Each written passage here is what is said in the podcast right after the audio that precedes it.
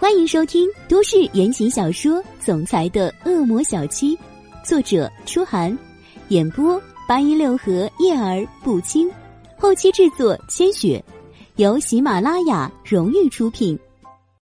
第九十一集，叶子熙一双小眼睛瞪得圆圆的，不时的眨两下，渴望之意无法掩饰。他还是个孩子，能体察到妈妈的情绪已是不易。哪还能将自己的情绪掩藏的那么彻底？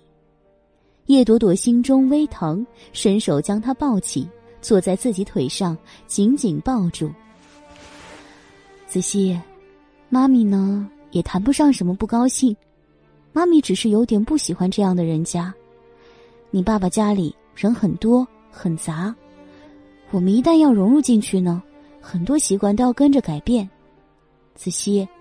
你做好准备了吗？我啊，叶子熙扭头，扑闪着大眼睛看着叶朵朵。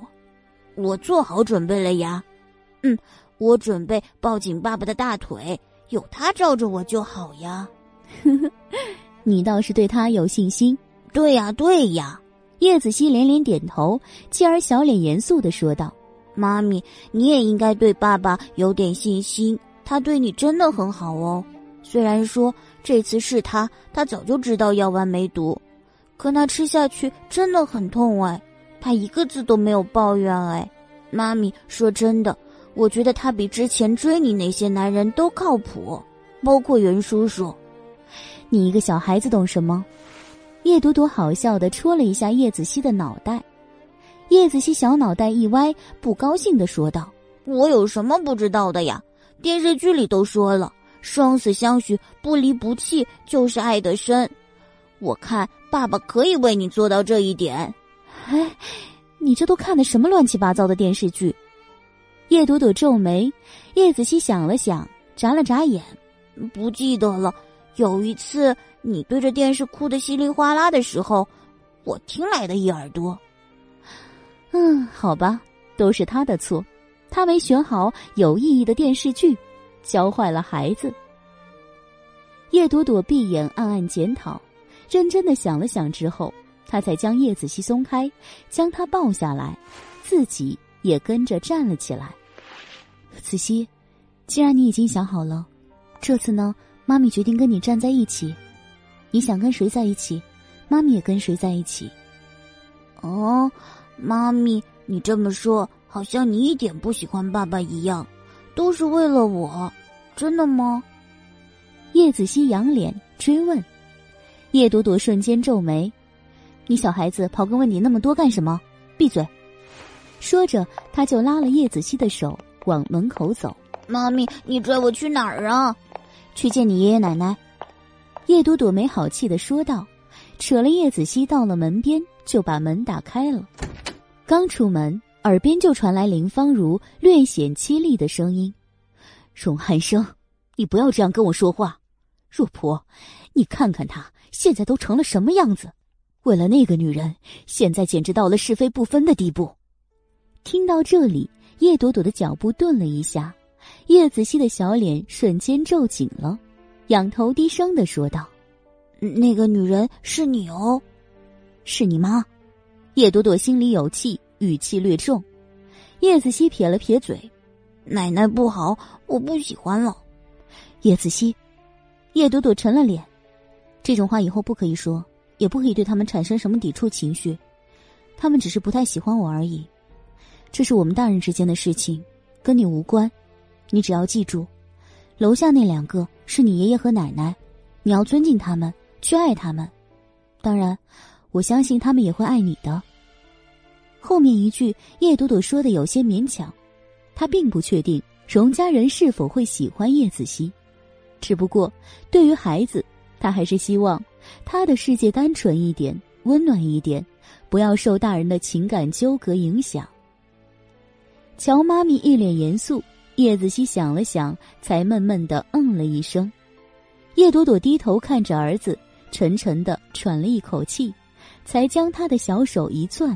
低声说道：“走吧，下去。”两人向前，身影出现在楼梯口时，荣若普先发现了他们，仰头看着。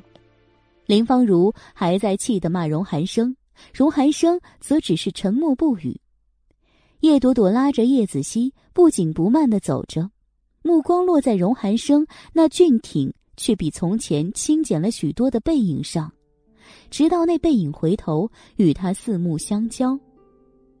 荣寒生几乎在看见他们的那一瞬间就皱起了眉，模样仿佛在问他们下来干什么，没再盯着他。叶朵朵垂下了目光，看着脚下的台阶。楼下该发现他们的人终于都发现了他们，客厅静下来，针落可闻。叶朵朵将叶子熙牵到楼下后，看了荣寒生一眼，就直接牵着他走到了林芳如和荣若甫面前。子熙，叫爷爷奶奶。他低头命令。叶子熙扬起小脸，乖巧的对着荣若甫和林芳如各叫了一声。荣若甫和林芳如面对着这么个刚到自己腰间的小不点儿，什么怒气、什么不悦也不好发出来，双眼愣怔的站着，瞪眼打量着叶子熙，这个疑似他们孙子的孩子。叶朵朵放任叶子熙站在这里，扭头看向荣寒生：“你们刚刚在说什么？”“没什么。”荣寒生淡淡的说道，走过来就将叶子熙拉到了身边。那急切护卫的样子，让荣若甫和林芳如都皱了眉。在儿子的眼中，现在他们已经成了洪水猛兽，时刻都会伤害这两个心肝宝贝。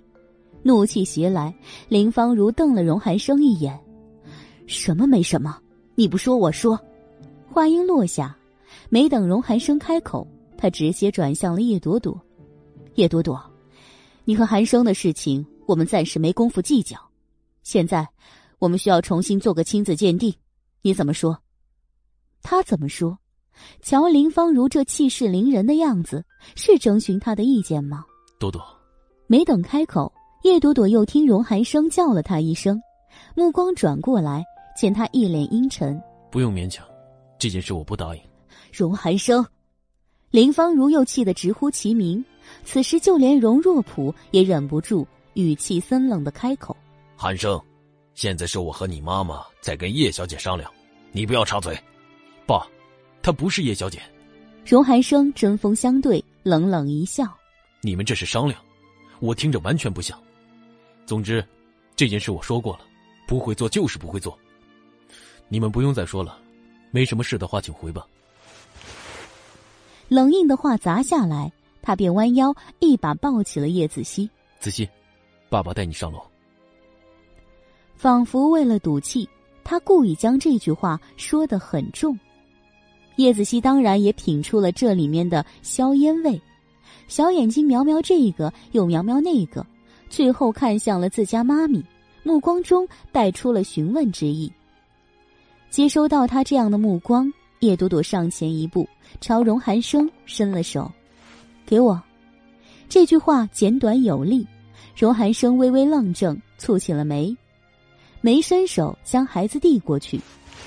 叶朵朵也没等他主动，见他不动，就直接伸手掐住了叶子熙的腰，将他抱了过来。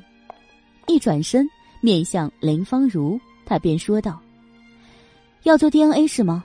很简单，按照医学上的要求，DNA 鉴定毛发和血液样本都可以。子熙怕疼，带出去抽血也麻烦。”这样，荣夫人现在可以拔他几根头发拿去做样本。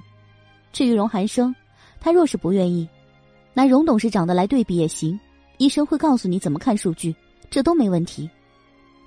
他表达完完整的意图，荣寒生愣了一下，叶朵朵也没跟他说什么，只是淡淡的扫了他一眼后，就抱着叶子熙又朝林芳如走了两步。到近前，他才对叶子熙说道。让奶奶拔几根头发，乖了。嗯，哦，叶子熙应了一声，转脸过来，就将小脑袋伸了过来，朝林芳如眨了两下大眼。奶奶，来吧，我不怕疼哦。一口一个奶奶的叫着，自己将头伸过来让他拔头发。瞧着叶子熙一脸天真的模样，林芳如突然觉得下不去手了。他这个很有道理的要求，在这个孩子面前似乎变得有点像无理取闹了。五指攥了攥，他犹豫的看了看荣若普，没有立即下手。叶朵朵抱着叶子熙也不动，仿佛就是坚定了心念，一定要等他拔下头发再说。两方僵持着，荣寒生生了气，过来伸手就要抱叶子熙，叶朵朵手往旁边一闪。避开了荣寒生，严肃的看着他。有些事，还是让二老自己明确了才好。血缘之事，不单你们荣家，任何家庭都不会马虎。不想让你儿子以后受到伤害，今天就听我的，别拦着。这话掷地有声，不但砸得荣寒生心中涟漪阵阵，就连荣若普和林芳如都怔了一下。荣若普已经是第二次在叶朵朵面前觉得尴尬了。第一次在医院门口，他一脸傲然的教训他以后要善待儿子；这一次，他直言挑破了他们这个现在看起来很光明正大，细想之下总有点自私、有点小家子气的想法。所以，一向以王者姿态示人的他，此时竟不敢面对叶朵朵。那双晶亮到能透射进人心底的眼眸了。大人之间沉默着，各种情绪在这静谧中涌动、碰撞，紧张的让小小的叶子熙都觉得不舒服。眉心一皱，他突然抬手，自己揪住了自己几根头发，嘟囔道：“呃，别吵了，不就是几根头发吗？咦，那，给你们。”小手一用劲儿，他竟自己将自己的头发揪了下来。大概是没控制好力道，弄疼了。拔完了，他还撇了撇小嘴，小声的又嘟囔了一句：“嗯，还真有点疼。”一边嘟囔着，一边他将小手伸到了林芳如面前：“奶奶，给你，我自己拔下来的哦。你看好了对吧？没有作假哦。”小东西奶声奶气，稚嫩的声音却像一记耳光扫过来，扫在林芳如和荣若普脸上，两人齐齐的感觉到了脸上发烫。荣寒生说的没错，孩子虽小，聪慧异常，简单的几句对话，他已经瞧出了大人对他身份的质疑。孩子清澈如水的目光中。两个老人都有点无地自容的感觉，尤其是荣若普，深觉脸上挂不住，侧脸瞪了林芳如一眼，似乎在怪他挑起事端。林芳如脸色也很尴尬难看，但是看了看叶子熙，又看了看荣寒生之后，他还是伸手将那几根细软乌黑的头发自叶子熙的小手掌心拿了起来，指尖一触到那头发。林芳如将那几根头发紧紧攥在了手心里，荣寒生见状，俊脸一沉，眸光厉色如鹰。现在够了吗？够了的话，麻烦出去。他对父母下了逐客令，伸手将叶朵朵怀中的叶子熙抢了过来，紧抱在怀中。在荣若普的印象中，这是儿子第一次对他用这种态度说话，这样的不尊敬，这样的冷硬。在从前，他是不敢想象的，但是今天，面对着刚刚自己揪了头发给他们的叶子熙，荣若普竟对他自己的儿子也生不起气来。这样的场面，若真是自己，恐怕也会生气的。这个念头闪过，脸色微微一沉，他便朝林芳如说道：“行了，今天就到这里了，先回去再说。”他瞄了叶子熙一眼。叶子熙小眼珠子一转，对他咧嘴笑了笑，被这灿烂天真的笑给戳了一下。荣若普立即收回了目光，转身疾步离去。林芳如大概是觉得荣若普刚刚的话太软，不足以表达他的意思，所以临走的时候不放心的又丢了一句过来：“孩子的事我们先搞清楚，你们结婚这件事。”在意。说这句话的时候，他冷冽的目光主要是对着叶朵朵的。叶朵朵明白，神色淡淡，没说什么。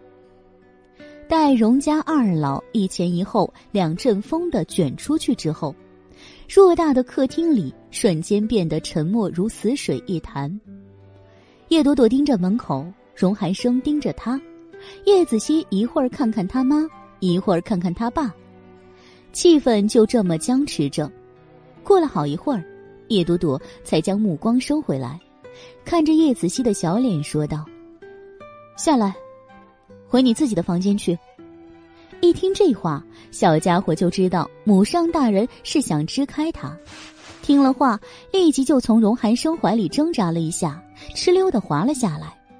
前次住这里，他就有自己的房间，现在上去也是轻车熟路。他那双小短腿跑上楼梯的时候，叶朵朵也跟了上去，步调不紧不慢的跟在后面。上了楼，他没去叶子熙的房间，而是直接转进了荣寒生的房间。荣寒生后脚跟进来，他转身轻声的关上门。先进来的叶朵朵已经坐在了靠阳台那边的一组休闲沙发上，他倒是面色平静，但荣寒生知道，这是打算跟他谈判了。缓步走过去，坐到对面，刚想开口。却见叶朵朵一只手推了过来，别说，让我先说。荣寒生微怔，点了点头，没再吭声。叶朵朵双手十指交叉在胸前，抿了抿唇，说道：“首先，不要跟我解释他们要重做鉴定的事情。我知道你为难，也理解他们的想法，所以同意了。子熙那边，我会找机会跟他解释，你不用操心。”这话说的让荣寒生很意外，他深邃的眼眸中荡出了点点惊讶的光芒，实在不敢相信这个在 Z 城还一副战斗到底模样的女人，突然间会这么善解人意。许是瞧出了他的心思，叶朵朵说完，沉默了一会儿，又讥诮的笑了笑：“ 别想多了，我还没有立志要做个通情达理的贤妻良母。”我只是不想让我的孩子受到伤害。事情已经到了这个地步，你父母要是不把这件事弄清楚了，就算他们面子上接受了子熙，心里也是疙疙瘩瘩的。说实话，我对他们没什么信心，只有让他们确信子熙真的是荣家的孩子，我才能相信他们不会对子熙有二心，这样，我才能更放心一点。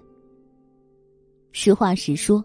荣寒生也恍然了，他也自嘲的勾了勾唇，深觉自己确实想多了。不过这样也好，起码这丫头说的对。自家父母是什么样子，自己清楚，也唯有这样，才能让他们真的疼爱子熙，至少不会伤害他。倒是他自己意气用事了。垂眸想了一会儿，他才挑眉，眸色温柔的。看向对面的女人，好，听你的，你说的有理。突然被如此温柔的目光一挑，刚才还一脸肃然的叶朵朵心里颤了一下。停了几秒，他才又说道：“现在说第二条。”闻言，荣寒生就皱眉了。一共几条？这丫头，一二三四，真是太多了。见他不耐烦，叶朵朵丢了一记白眼过去。没有几条，就此一条，就一条了，那一定是很难搞的一条。荣寒生心里想着，眉心不由微微蹙紧。见他没意见，叶朵朵才说：“我要跟你试婚，期限是半年，半年后，重新考虑我们的关系。”试，试婚？已经有了证，还要试婚的吗？荣寒生不解的盯着叶朵朵，简直想拿 X 光照照这个女人的脑回路是什么构造。不过瞧她一本正经的样子，荣寒生还是决定先听她说，然后再考虑要不要发言。试婚期间相处模式可以按照正常夫妻来，只有一条，你不许干涉我太多，生活工作都是这样，千万别试图要求我回归家庭。其实有事业心的女人，办不到，你不用考虑了。闻言，对上那满满敌意的目光，荣寒生不由得露出了委屈的神色。我没考虑过，没有最好了。先给你打个预防针。”叶朵朵说道，话锋一转，又道：“如果这一点你没有意见，那么基于我已经是这个家的女主人了，那我可能会对这里做点改动，提前告知一下，请不要有什么异议。”他小手一指，随意在空中画了个圈。荣寒生眉心疙瘩更紧，顺着他的手指往四下一看，后背有些发凉。他想把这里改成什么样？莫非要按照他的喜好，把这里全改成粉色 Hello Kitty 风格吗？一想到那满屋子的粉色系，荣寒生打了个冷静。不过转念又一想，粉色就粉色吧，只要他乖乖听话过日子就好。感谢您收听都市言情小说《总裁的恶魔小七》。欢迎收听都市言情小说《总裁的恶魔小七》，作者：初寒，演播：八一六和叶儿不轻，后期制作：千雪，由喜马拉雅荣誉出品。第九十二集，这么一想，荣寒生的脸色好多了，也不再追问叶朵朵说的改动到底是什么，便爽快的点了头：“行，你是女主人，都听你的。”说着，他站了起来，挪到了他身边坐下。不过，道婆大人，这个试婚有这个必要吗？第一次被人叫老婆，叶朵朵有些别扭，凉飕飕的睨了他一眼后，有很有必要。现在流行结婚前试婚，而你，荣寒生，你自作主张办了证，已是对我的不尊重，所以这个试婚过程不能再少。哦，这么说。我以后还真的谨小慎微的伺候好你才行了。那必须的，我可还没有心甘情愿的接受你。叶朵朵一抬手，掌心竟轻飘飘的拍上了荣寒生的脸。所以，荣二少，你要走的路还很长。多长？你告诉我。荣寒生伸手将他那只淘气的手给捉了下来，攥在掌心里。叶小姐，不用吓唬我。我非常乐于接受挑战，试婚是吗？没问题，保证让你沾上上瘾，自己赖着不肯走。自恋狂！低骂一声，又觉得某人凑得太近，他便推了一把。别这么一副饥渴相，回来就折腾这么一出，你应该好好休息一下。我，这么快就进入角色，关心老公了？荣寒生轻笑，略显苍白的脸上。绽出光芒潋滟的笑意，我才没有。叶朵朵立即叫了一声，白眼一丢，便道：“我是站在医生的角度关心我的病人，不然，你累出了毛病，还得怀疑我医术不好。”老公老婆，怪怪的感觉。叶朵朵心里毛毛躁躁的。看着荣寒生，就觉得在这个男人极其侵略性的气息包裹下，他有点头脑发热，不能思考。又停了两秒后，叶朵朵终于用力推开了荣寒生，站了起来：“你休息吧，我去跟叶子熙解释刚才的事情。小东西心里一定是不舒服的。”他嘀咕着这句，眉心凝出了丝丝的担忧。叶子熙是个很敏感的孩子，希望刚刚的事情不要让他难过才好。他转身走向门口，荣寒生随即跟了过来。我跟你一起。叶朵朵本不想让他参与，见他神色坚定，也执拗不过，才没再说什么。两人一起出了房间，去了叶子熙的房间。别院这边。叶朵朵和荣寒生在想办法抹平孩子心里的暗影时，荣若普和林芳如也到了家。此时，荣家大宅的客厅里，就围着茶几坐了四个人。茶几上放着一只透明小塑料袋，里面装着的就是叶子熙的头发。爸妈，你们现在的意思，难道要认下那个野孩子？荣耀看了看那只袋子。不敢相信，又带着鄙夷的问道：“这件事里他也是受影响很大的那个人，跟荣寒生的争夺还没见个高低呢，这又窜出来个小的，这父子俩绑在一起，在这二老的心目中的分量，那能一样吗？等了一早上，他本来还期待着上演一出热闹的好戏，没想到等来的是这几根头发，荣耀心里真是别提多憋屈了。荣耀气得不轻。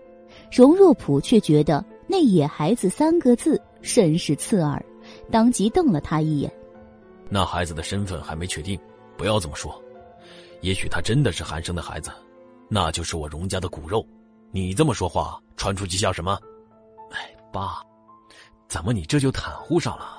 荣耀向来不如荣寒生个性沉稳，当即炸了毛，气羞羞的嚷嚷起来。瞧他这样，林芳如早已不高兴了。但碍于这个不是自己亲生的，他也就忍了怒气，没说什么。不想再听见“野孩子”几个字，他便插了句嘴，向荣若普说道：“若普，现在别争这些了，弄清楚这个是关键。”他起身拍了拍桌上的透明袋，随手又拿了起来，看着荣若普。荣若普脸色微沉，不高兴的扫了荣耀一眼，才点了点头。嗯，这事不能拖，让人去联系一下，确定好之后我们就过去。这件事我要亲自去办，事关血统的问题，不能有差池。对，我们一起去，越快越好。我这就去安排。林芳如说着就站了起来。荣耀见父母这样着急，心里越发堵得慌。忍不住要抗议，却被许凌寒暗暗的拽了一把，给他使了个眼色之后，许凌寒才冲荣若普说道：“伯父，这件事还是您和伯母想的周到。不管怎么样，血缘问题都是重中之重。寒生再想跟叶小姐在一起，那也得先弄清楚孩子身份再说。这事儿，我和荣耀都是很支持的。”这话说的贴心贴肺。荣若普脸色也好看了一些。对于许凌寒，在他突然跟荣耀走到一起的时候，荣若普也是心里别扭了一阵，但是后来慢慢也想通了。年轻人感情上这些七七八八的事儿，他懒得多管。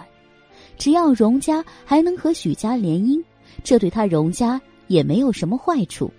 反正大儿子荣耀也不是被逼的，他也是自愿的。自己就睁一只眼闭一只眼算了。荣若普赞许的看了看许凌寒，转眼又瞪了荣耀一眼。凌寒比你懂事的多，以后多学学。我，荣耀，许凌寒笑着截断了荣耀将要出口的话，眼色一闪便说道：“你不是说今天下午还有事吗？不早了，我们也该走了。”说完，他就把荣耀拽了起来。转脸又朝荣若普道：“伯父，我们还有事，就先走了。等鉴定结果出来了，那孩子真是寒生的孩子，我们再来给您和伯母道喜。不管是不是婚内生的孩子，对于荣家这种极度缺乏下一代的家庭来说，有个孙子总还是值得高兴的事情。所以，这话荣若普听着顺耳，脸色缓和，让他们离开，没再说什么。”荣耀一路被许凌寒拽着出了门，才甩开他的手。你拽我干什么？我话还没说完呢。你说什么呀？许凌寒一边往停车坪走，一边瞪了他一眼。荣耀，跟你说过多少遍了，你别那么意气用事。就拿这件事来说，你现在去阻拦有什么意思？别说伯父伯母了，就是普通人家有孙子在外，那也是要认领回来的。这件事根本就没有回旋的余地。哼荣耀讥讽冷笑：“说认就那么简单呢？他要是鉴定出来不是呢？”许凌寒怔了一下，脚步微微顿了一下，侧脸盯着他：“你想干什么？想在鉴定结果上动手？荣耀，我劝你趁早打消了这个主意，这么做很幼稚，没有任何的好处。”什么叫幼稚？那你倒是说个不幼稚的方法来。荣耀不以为然，径直走到车边。伸手拽开了车门，自己坐了进去。许凌寒走到另一面，同样坐进了后座，才说道：“我问你，你觉得那孩子是寒生的几率有多大？”这个荣耀想了一下，八成吧。我想韩生就是再喜欢那个姓叶的，也不至于昏了头把别人家的孩子领回来当儿子，太离谱了。就是啊，所以呢，你想在鉴定结果上动手脚，他能答应你吗？到时候，只要他抱着孩子拉上伯父伯母，当场再验一次，那就结了。这根本不需要费什么功夫。等他确定好了孩子的身份之后，掉过头再来揭穿你，你想想，伯父伯母能饶得过你？被这话戳的，荣耀脸上有点挂不住，僵了好一会儿，才说道：“那照你的意思。”难道我什么都不能做，还得买挂鞭炮庆祝我多了个侄子？哼！许凌寒意味复杂的一笑：“你倒是想去庆祝呢，人家也不见得欢迎你去。现在啊，你还是省点心吧，静观其变，以图后续。现在伯父伯母可都心心念念的在盼孙子，我们就不要去触眉头了。”瞧着许凌寒精致含笑的小脸，荣耀微微的蹙起了眉，盯着他看了一会儿，他才话锋突然一转：“凌寒，你老实说，你现在心里是不是恨透了寒生？恨容寒生？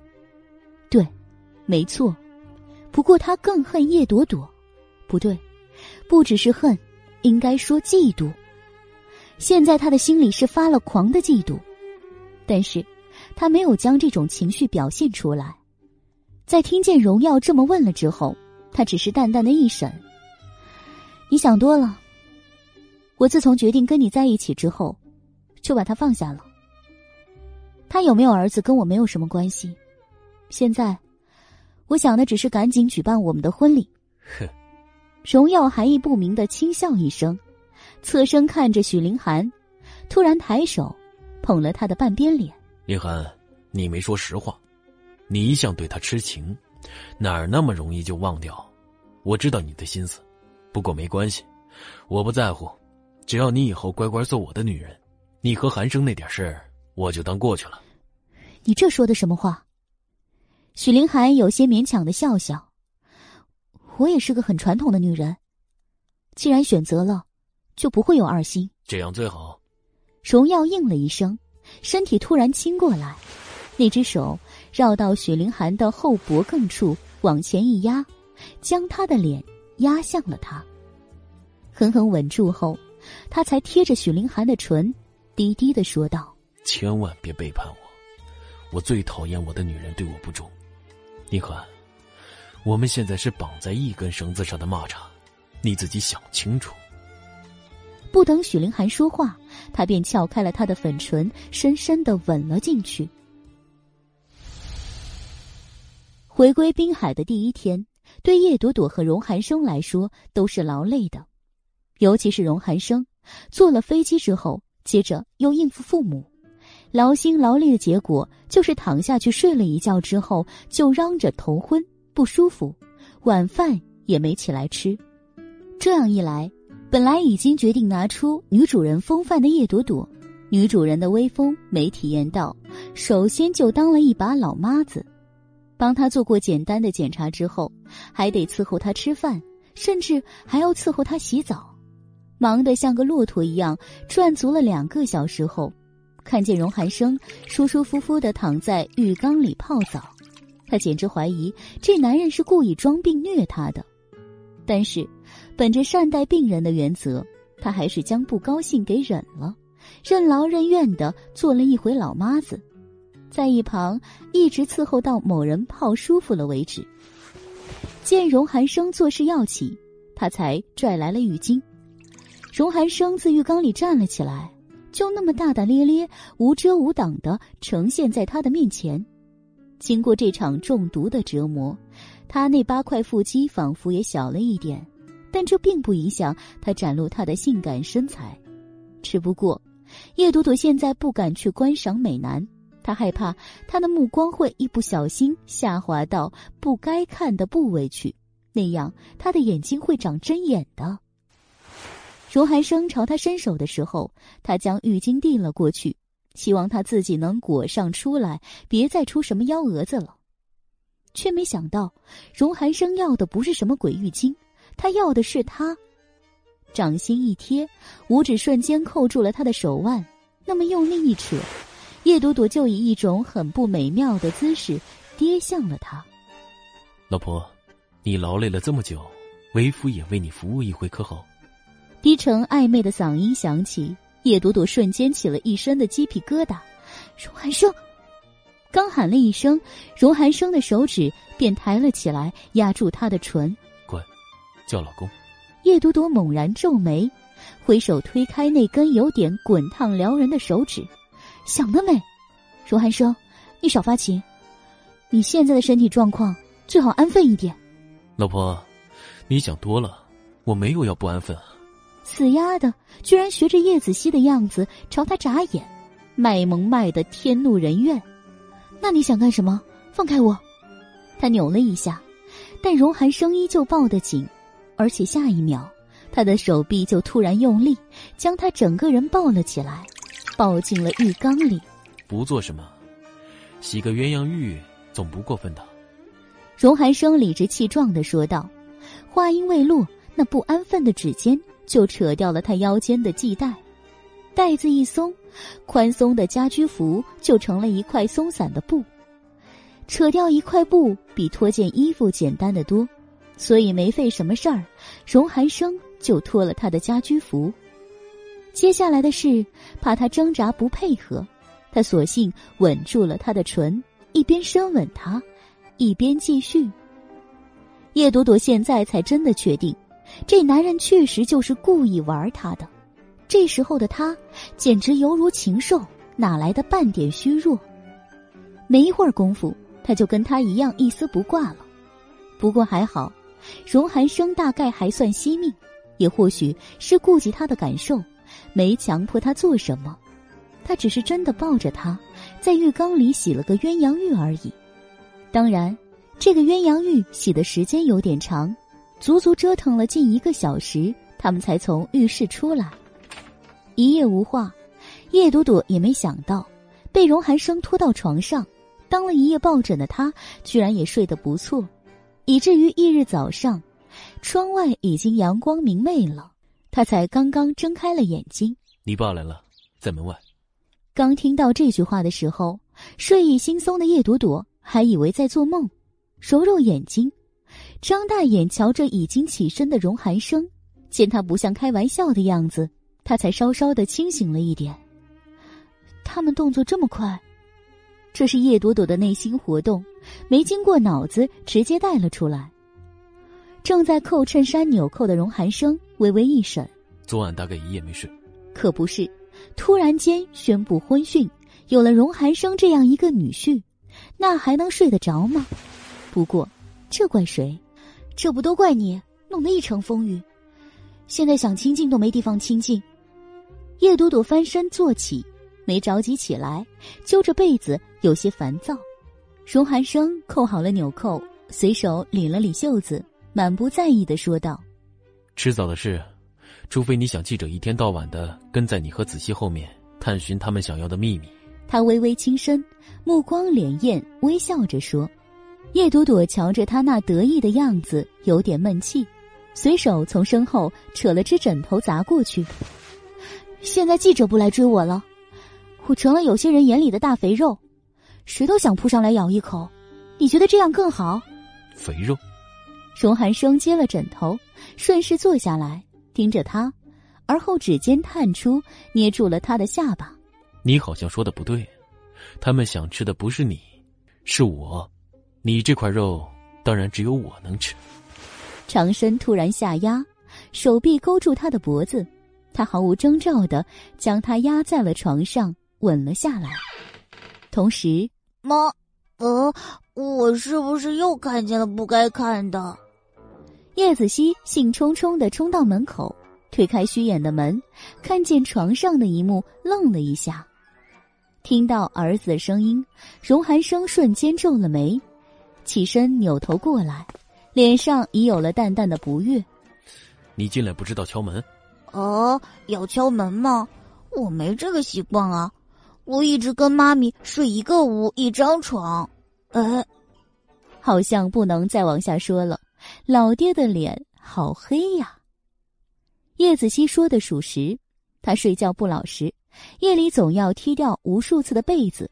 叶朵朵怕他生病，所以从小那同床睡的习惯一直没改，直到上次跟荣寒生回这里住了一段时间，才开始锻炼自己睡的。叶子熙当然觉得儿子跟妈睡天经地义，却不知他爹心里完全不是这么想的。你多大了还跟妈咪睡，不像话！记住，从今天起禁止无要敲门。荣寒生微微带了父亲该有的严厉，叶子熙看看他，又苗苗刚从床上爬起来的叶朵朵，若有所思的说道：“呃，所以就是说，爸爸，你和妈咪随时都有可能在这里做不能让人看见的事。”呃，叶子熙，给我滚出去！哦，我滚了。他爹瞪他，他妈朝他吼：“不跑！”还等着被混合双打吗？叶子熙一扭头，噔噔噔的跑出去了。耳边锅糟没了，叶朵朵又将邪火发到了荣寒生头上。上梁不正下梁歪，你生的好儿子，这能怪我？荣寒生觉得他简直比窦娥还冤，他根本直到前几天才知道有这么个儿子，好不好？不过，还没等他抗议，叶朵朵就丢了一句真理出来。古人云：“此不教父之过。”可没有人说“此不教母之过”，所以不怪你，怪谁？叶子熙，你给我回来！跟眼前这个女人没有道理可讲，荣寒生决定去教导他的儿子。收拾好自己，下来就见荣寒生和叶子熙已经坐在餐桌边了。你父亲一家还在门口，吃完早饭再让他们进来。说这话的时候。荣寒生的语气有点冷，不是商量，只是告知。大概他也知道叶家一家现在过来是何用意，不想被破坏了吃早饭的心情吧。虽是自家人，叶朵朵也跟荣寒生的感觉一样，不太想见外面的人，所以他没有表示异议，直接拖了椅子坐了下来。早餐就是简单的中式早餐，就是小米粥配点心。另加几碟精致的小菜，另外就是牛奶和鸡蛋。刚开始的时候，荣寒生低着头，慢条斯理的吃东西。听见叶子熙问话，他才抬眼看他。爸爸，是外公他们来了吗？等一下，是不是又有好戏看了？谁教你的话？荣寒生眉心蹙眉，说话的同时看向叶朵朵。叶朵朵捏着瓷勺，瞪了叶子熙一眼。你懂什么？乱说！没有啊，不是你说的吗？天天都在演戏。好吧，又是他。叶朵朵没转脸就能感觉到荣寒生那两道目光，来者不善。感谢您收听都市言情小说《总裁的恶魔小七》，欢迎收听都市言情小说。总裁的恶魔小七，作者初寒，演播八一六和叶儿不清，后期制作千雪，由喜马拉雅荣誉出品。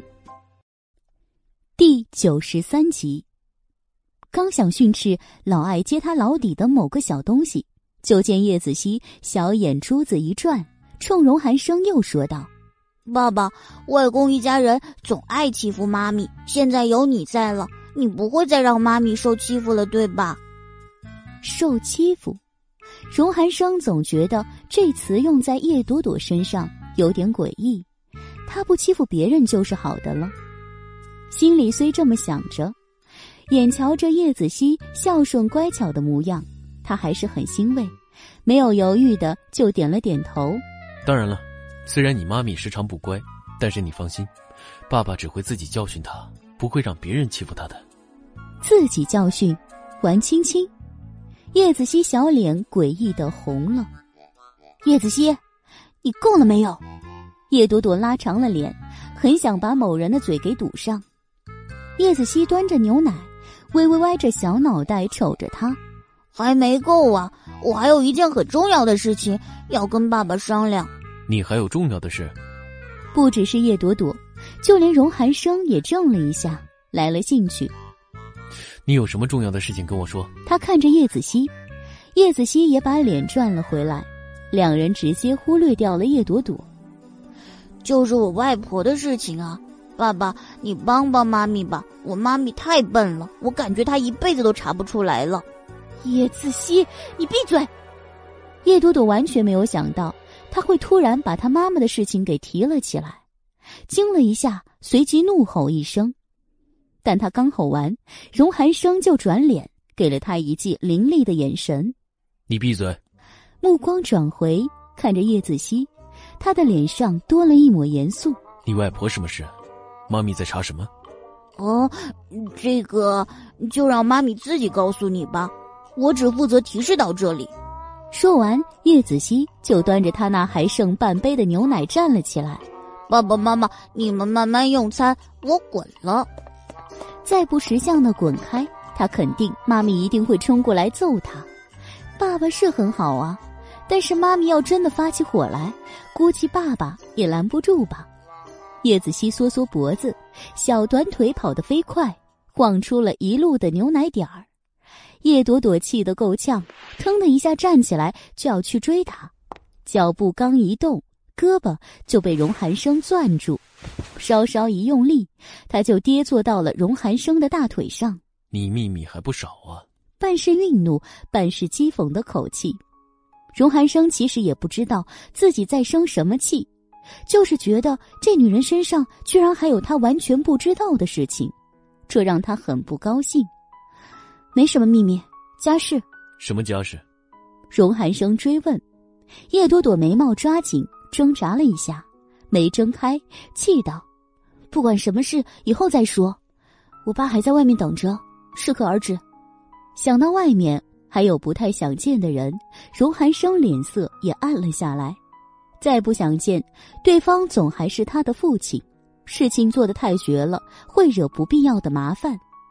这么一想。他才将叶朵朵松开，先把早餐吃完。荣寒生瞄了一眼叶朵朵面前还没吃多少的食物，面不带笑的说道：“重新坐下。”叶朵朵却没什么吃饭的心思，随意的舀了几勺粥后就放了勺子。他一直闷着头，没注意荣寒生在干什么。这勺子一放，面前就突然多了一只剥好的水煮蛋。荣寒生没说话。叶朵朵愣了一下，也随手接了过来，一口咬下去的时候，才听荣寒生开口：“你爸爸今天过来的目的，想必没什么实质性的所求，不想应付的话，少说话就行了，或者吃完了上楼继续睡觉，我跟他聊几句，就会让他走。”对于叶朵朵和叶家之间的事情，他知道的并不是十分详细，他只是在叶朵朵归来之初调查过他，知道了一点大概。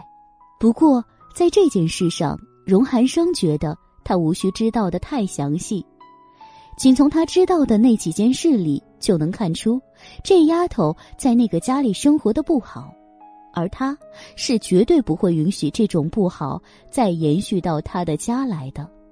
叶朵朵咬着白煮蛋，侧脸看着荣寒生，这时候的他面色平淡，凝视着他的眼眸中似乎还带了点点的暖光。嗯，他的样子有点温柔，心尖儿被一只无形的手掐了一下，有些发颤。他慌忙回神，目光转回来，继续吃鸡蛋。等他最后一口塞进嘴里的时候，荣寒生端起了他面前的牛奶，又递了过去。伺候人伺候的还挺娴熟，叶朵朵心里嘀咕着，心里不可遏制的泛起丝丝暖意。接过来喝了几口，压了压刚吃下去的鸡蛋后，他就将牛奶杯放了下来。我不去睡觉，有些事反正也是逃不掉的，说清楚比较好。叶朵朵微微紧绷着脸，脸色严肃而决然。荣寒生的目光落在他唇角的一点牛奶沫上，伸手拿起了自己面前的餐巾，给他擦了擦嘴。他也没说什么，丢了餐巾就叫了佣人开门，把叶家人请进来。两人起身走到客厅，就对着门站着。没一会儿，就看见叶明远的车缓缓的驶了进来。叶明远的欢喜劲儿，叶朵朵隔着十万八千里都能看得出来。上次回家，因为叶青言的事情，他没有帮忙。叶明远那脸拉得跟马脸一样长，现如今转眼间就笑如菊花般灿烂了。甚至，他觉得父亲走路那腰杆都挺直了。那种得意，在他的步态里都能清楚无疑的显现出来。不只是叶明远，梁芬也是一样，远远走来就挂着笑，还没到眼前，就热络亲切的喊了一声：“朵朵。”这声喊之后，两人的步伐都明显带快了。荣寒生一直站着没动，等他们上了台阶，他才稍稍往前走了两步，意思一下。叶总和夫人大驾光临，有失远迎，还请叶总不要见怪。这话里疏冷之意相当明显。叶明远和梁芬脸上的笑都僵了一下，瞬间闪神之后，叶明远才又扯了扯笑道：“韩生，你太见外了，我们一家人赢什么赢的？”语毕，他朝梁芬看了一眼，梁芬立即会意，笑道：“你爸说的是啊。”现在我们都是一家人了，你也该改口了，不要那么客气了。客气，叶朵朵差点吐了，脸皮有多厚才能听出这样的冷淡，还装着没听出来的样子？听不下去了，他一低头，故意干咳了两声，然后抬眼看着梁芬说道：“阿姨，我们还没有办婚礼，改口这样的话说的太早了。早什么早？”你们不都对记者承认了已婚吗？朵朵啊，不是阿姨说你，这么大的事情你怎么不跟家里说一声呢？我和你爸爸也好给你操办操办啊。我，叶朵朵刚想反驳，话被荣寒生截了过去。这是我的意思，跟他无关。叶总既然来了，也别站着，进里面坐。他微微一侧身。叶明远颇有些不悦的看了叶朵朵一眼后，顺着荣寒生微抬的手走进了客厅。朵朵，倒茶，另外帮我泡杯咖啡，加糖的。荣寒生语气淡淡的吩咐。叶朵朵愣了一下，挑眉看看他，见他神色严肃，心里就泛起了嘀咕，没多说，他应了一声，转身去了厨房。先是泡了两杯上好的雨前龙井，用托盘端了出来，一左一右的放在了已经就座的叶明远和梁芬面前。接着，他又回去泡了加糖的咖啡端来，双手恭敬的递到了独自坐在一侧的荣寒生面前。你的咖啡小心烫。他温柔乖巧的提示了一声，托盘都没放，就站在了荣寒生身侧。梁芬见状笑道：“ 瞧，我们朵朵，一结婚就有了贤妻良母的样子，这以后啊，肯定能把这个小日子过得和和美美的。”他说完，扭头看了叶明远一眼，叶明远当即附和道：“是的，朵朵长大了，不比从前那么毛躁了。”呵。叶明远的话音一落，荣寒生就意味不明的轻笑了一声：“叶夫人真是说笑了。”在我眼里，朵朵离贤妻良母四个字还有一条长城的距离。对面四道惊诧的目光中，他侧脸，眸色犀利的看着站在身边的叶朵朵。叫你加糖，你到底放了多少？我的口味你到现在还没弄清楚吗？换掉。他手臂一抬，端起那只精巧的白瓷咖啡杯，就稍显沉重的放在了叶朵朵面前的桌面上。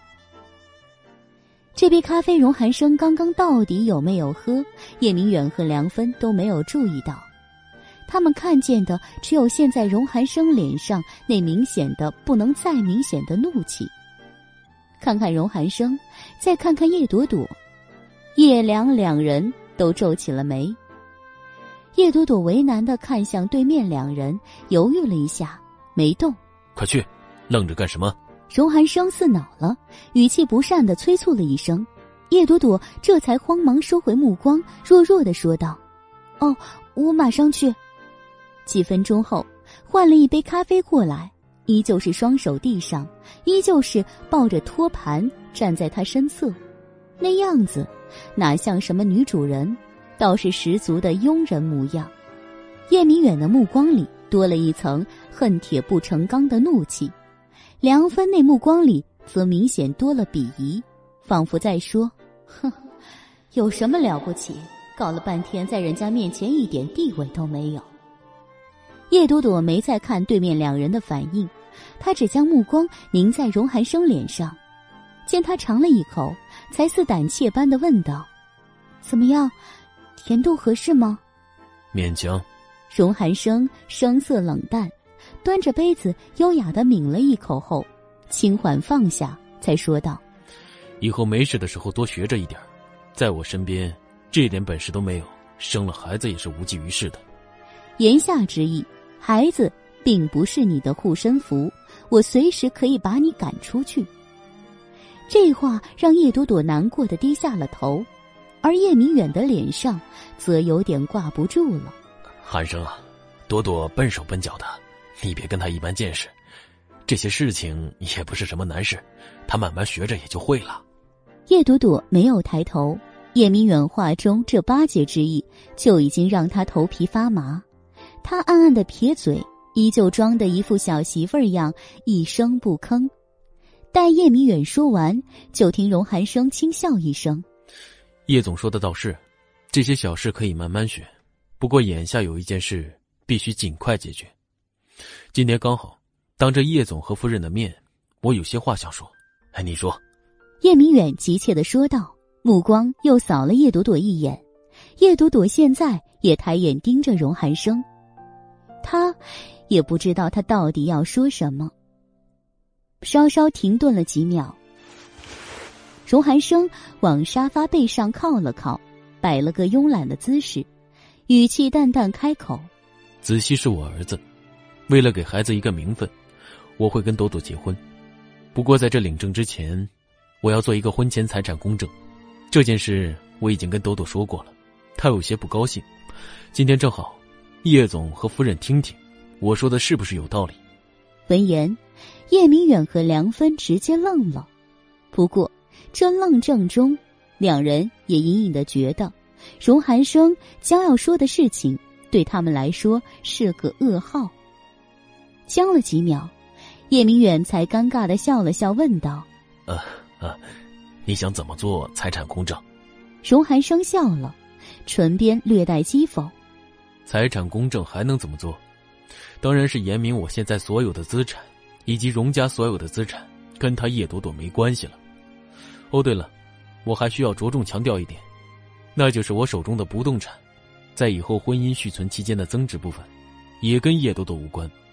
就是说，她只是我的妻子，我孩子的母亲，我们有这层关系，但是资产上，我们没有半毛钱的关系。当然了。我也不会碰他的财产，我们独立分开，互不干涉。什么？梁芬没忍住，直接惊叫了出声：“不是，寒生，你这样会不会太过分了？”这也是叶明远想说的话，所以他虽然瞪了梁芬一眼，却没说什么。荣寒生清冽的目光扫过两人，讥诮一哼：“哼，我不觉得我有什么过分的。”我荣家资产庞大，如果都按照法律规定的来那样分配，有朝一日我离了婚，对集团岂不是一次打击？这一点，叶总居商场多年，应该懂得其中厉害。懂当然是懂，可一旦落到自家头上，就跟拿刀割肉没有差别。叶明远心里急疼，想不出合适的说辞，只能拿眼瞪叶朵朵。叶朵朵抬眼看看父亲，又看看荣寒生，似犹豫了一下，才颇有些难过的对荣寒生说道：“你对我，就真的这么防备吗？再说，我还生了个儿子，没有功劳还有苦劳呢，一分钱都不给我。荣寒生，你太过分了。”最后，他适当的谴责了一句，荣寒生瞬间就沉了脸。嫌我过分，你现在就可以从这个家里滚出去。不过，别想再来看孩子。我荣家的门出去容易，进来难。叶朵朵，不要给脸，不要脸！你，叶朵朵大眼瞪着，双眸中雾气冉冉升腾，泪珠子就快掉下来了。而荣寒生瞧他这副模样，竟似丝毫不为所动，脸上厉色分毫未改，甚至直接朝门口伸了手：“滚！”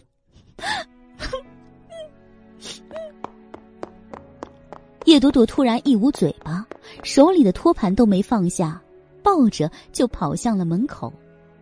叶明远和梁芬没想到事情突然演变到了这个地步，愣怔了一下，双双站了起来。一秒后，叶明远给梁芬使了个眼色，梁芬立即抬步朝叶朵朵追了出去。两个女人都跑出去了，叶明远才缓缓坐下。寒生。你别生气啊，朵朵不懂事。你刚刚说的这些，虽然听着苛刻了些，不过我也能理解。这样吧，这件事我替朵朵答应了，要签什么协议，你让他签就行了。他要是不肯，我教训他。还是叶总明白事理。荣寒生重新调整了坐姿，没再瞧着门外。而此时，梁芬追到了门外，也终于将叶朵朵追上了。朵朵啊，你笨不笨啊？哭什么跑什么？荣寒生那意思你没听明白？他就等着你自己出门，他好得了孩子呢。你也是够笨的。梁芬不住的骂，叶朵朵吸了吸鼻子，委屈的看着他。阿姨，你也看到了，说白了吧，荣寒生对我根本就不重视，我真不想待在这里呀。哎。你说你怎么回事？之前看他对你还挺好的，这一结婚，你爸可高兴坏了，天没亮就说要起来要来这里，没想到是这样的。之前，之前那是做样子给别人看的，现在涉及到实际性的财产问题了，他的本质就暴露出来了。阿姨，你说我怎么办？叶朵朵又抽搭了一阵。抬手还抹了抹泪，梁芬皱眉看着他，半天才叹了一声：“唉，看来你爸这金龟婿的梦要碎了。你这个不长进的，真是没用啊！这么好的机会到你手里，怎么就成这样了呢？”他不轻不重的戳了叶朵朵一下，叶朵朵低眉敛目，没有反抗。过了一会儿，梁芬又说道：“算了。”先这样，你先回去给人家道个歉。先这样，回去我跟你爸商量一下。叶朵朵抬着泪眼看看他，想了一会儿，才点了点头。两人在外又站了一会儿之后，才一同进去。再次进去，叶朵朵一直低着头没说话。叶明远见叶朵朵低头进来，就训斥了几声。叶朵朵听着，不时嗯两声，也没说别的。气氛闹成了这样，叶良两人对看了一眼，也觉得今天时机不对，不宜再待，这就随便说了几句，就起身告辞了。临走时，叶明远那脸色难看的要命，对着叶朵朵瞪了几眼，又暗暗摇头，直叹气。荣寒生没有起身相送。依旧姿态慵懒的靠在沙发上。叶朵朵也没送，遥遥看着父亲出门之后，才转头看向了荣寒生。荣大爷，你装够了没有？叶朵朵朝他一瞪眼，荣寒生直起身站了起来，迎向他。你装的也不赖，我看看。他伸手挑起了叶朵朵的下巴。眸色含笑，讥诮的说道：“居然还能憋出几滴泪来，真不容易。”比你差点。叶朵朵侧脸避开他轻挑的手指。从荣寒生让他倒茶倒咖啡的时候，他就琢磨过来他的意思。刚刚那番态度，表面上对他的贬低不屑，实则也是打了叶明远一巴掌，明明白白的告诉了叶明远。他的女儿在他荣寒生这里什么都算不上，顶多只是顶了个空名分的荣夫人，想得到半毛钱的好处，那都是奢望。如此一来，就算叶家人以后还贼心不死，他叶朵朵也有了拒绝的好理由。荣寒生不许，他不在乎他，怎么会给他好处？这就是荣寒生演这出的用意。叶朵朵体察了他的用意，还配合的不错。感谢您收听都市言情小说《总裁的恶魔小七》。欢迎收听都市言情小说《总裁的恶魔小七》，作者：初寒，演播：八音六合叶儿不清，后期制作：千雪，由喜马拉雅荣誉出品。第九十四集，荣寒生勾唇看着他，牵起他的手，将他扯到了沙发边，又坐了下来。现在，你可以跟我坦白你妈妈的事情了。我妈。你帮我去查一个人吧，叶朵朵突然开口，荣寒生来了兴致。谁？最后给我妈诊治的那个医生，已经离开滨海十多年了。袁师兄找了很久都没有他的消息，你能帮我吗？事到如今，指望袁木已经不合适了，不如就指望身边这个人吧。谁让他自己非要凑过来的？给他找点事做正好。叶朵朵盯着荣寒生。荣寒生没接他的话，脸先拉长了。你找袁木帮忙，他行吗？满满的讥诮口吻，叶朵朵嗔怒的瞪了他一眼。你要是能尽快找到人，我承认你比他行。一言为定，把他的资料告诉我。叶朵朵没说话，看了他一会儿后，就朝楼上瞄了一眼。你看够了没有？叶子熙从一侧墙后探出脑袋。妈咪，你真是火眼金睛！小东西蹦蹦跳跳的跑下来，朝门口看了看。呃，外公走啦。妈咪，你演技好棒哦！哪有，再棒也赶不上他。叶朵朵伸手一指荣寒生，荣寒生弯腰将叶子熙给抱了起来，没理会叶朵朵，直接对小东西说道：“今天跟我一起，我们在家把你上次没弄好的机器人弄好，怎么样？”真的吗，爸爸？你要跟我一起做呀！太棒了，我好爱你哦！嗯，沾着口水的小嘴就这么凑了上去。叶朵朵看不下去两人的腻歪，扭头就朝楼上走。我已经旷工很多天了，要去医院。荣寒生，你注意休息，别再来麻烦我了。爸爸妈咪是在关心你吗？大概吧，他一向喜欢表达的这么含蓄。哦，他嘴上说不喜欢你，心里很关心你，口是心非，是这个意思吗？对，聪明。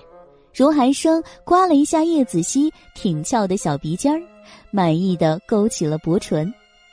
两人的低语没有惊动叶朵朵，他去楼上取了包之后下来就直接出门了，根本没多看那父子俩一眼。饶是叶朵朵已经做好了准备迎接来自四面八方的关心询问，她也还是招架不住这一波强似一波的八卦热潮。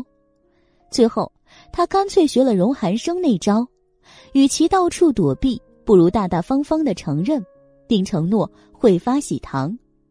如此一来，又是一波羡慕嫉妒恨涌向他。这么一场闹完了之后。时间都过去两个小时了，叶朵朵刚坐下来喘口气，桌面那电话又响了。在这个早上，这电话响了十次，有九次是来借各种问题谈他和荣寒生那点事的，所以现在一听电话响了，他头皮都麻了，一气之下伸手摁了免提，张口便道：“各位姑奶奶，别问了，我啊啊，院长啊。”叶朵朵窘了，心里却在嘀咕：难道院长也这么八卦？不过事实证明，他想多了。院长就是院长，人家有正事儿的。叶主任，你来我办公室一下，这里有个病人，指名要你负责。哦，好的。叶朵朵挂了电话，就皱起了眉。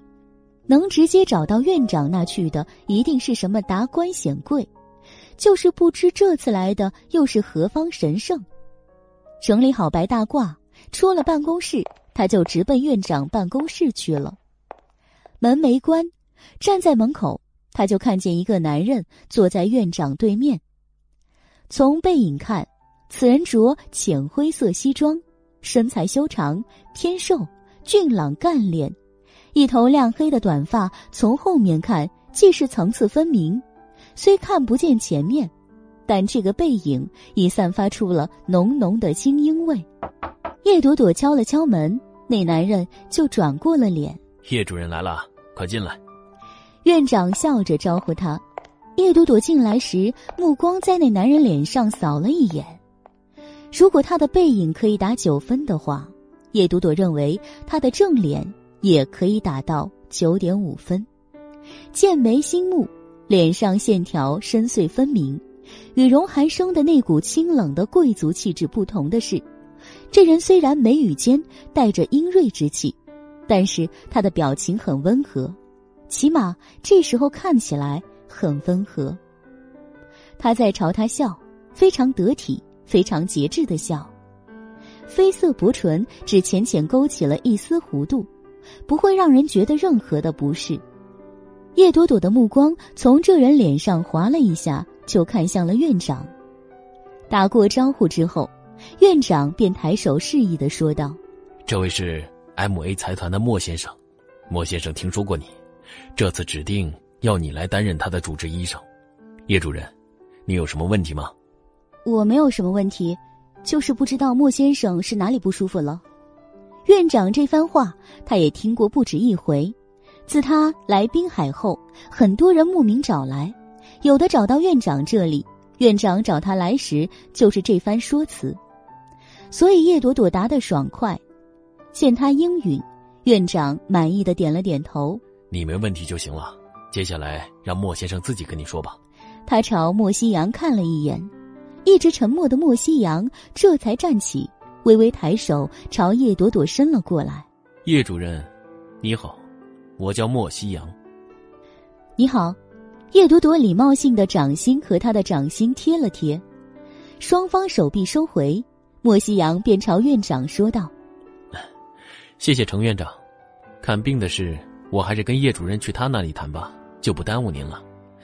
捐赠的事情，我回去马上办，到再联络。好，好。院长忙站起，态度热切的道：“是我该代表医院感谢你的支持，这批器材可对我们医院的帮助不小，小意思，不值一提。”莫西阳淡淡回道：“叶朵朵这才听出，原来这位土豪还给医院捐赠了一批医疗器材，难怪院长奉他如上宾呢。”不过这些不是他掺和的事，他也就没有插嘴。等莫西阳和院长告辞了之后，他才领着他返回自己的办公室。路上，叶朵朵问道：“莫先生是哪里不舒服？”“失眠，头痛。”莫西阳侧脸看他，脸上又挂出了那种浅淡得体的微笑。久闻叶医生是医术高明，我这才慕名而来。说实在的。为了这个毛病，看过医生无数，也尝试过各种治疗方法，总是不见效。这次希望能在叶医生这里得到好转。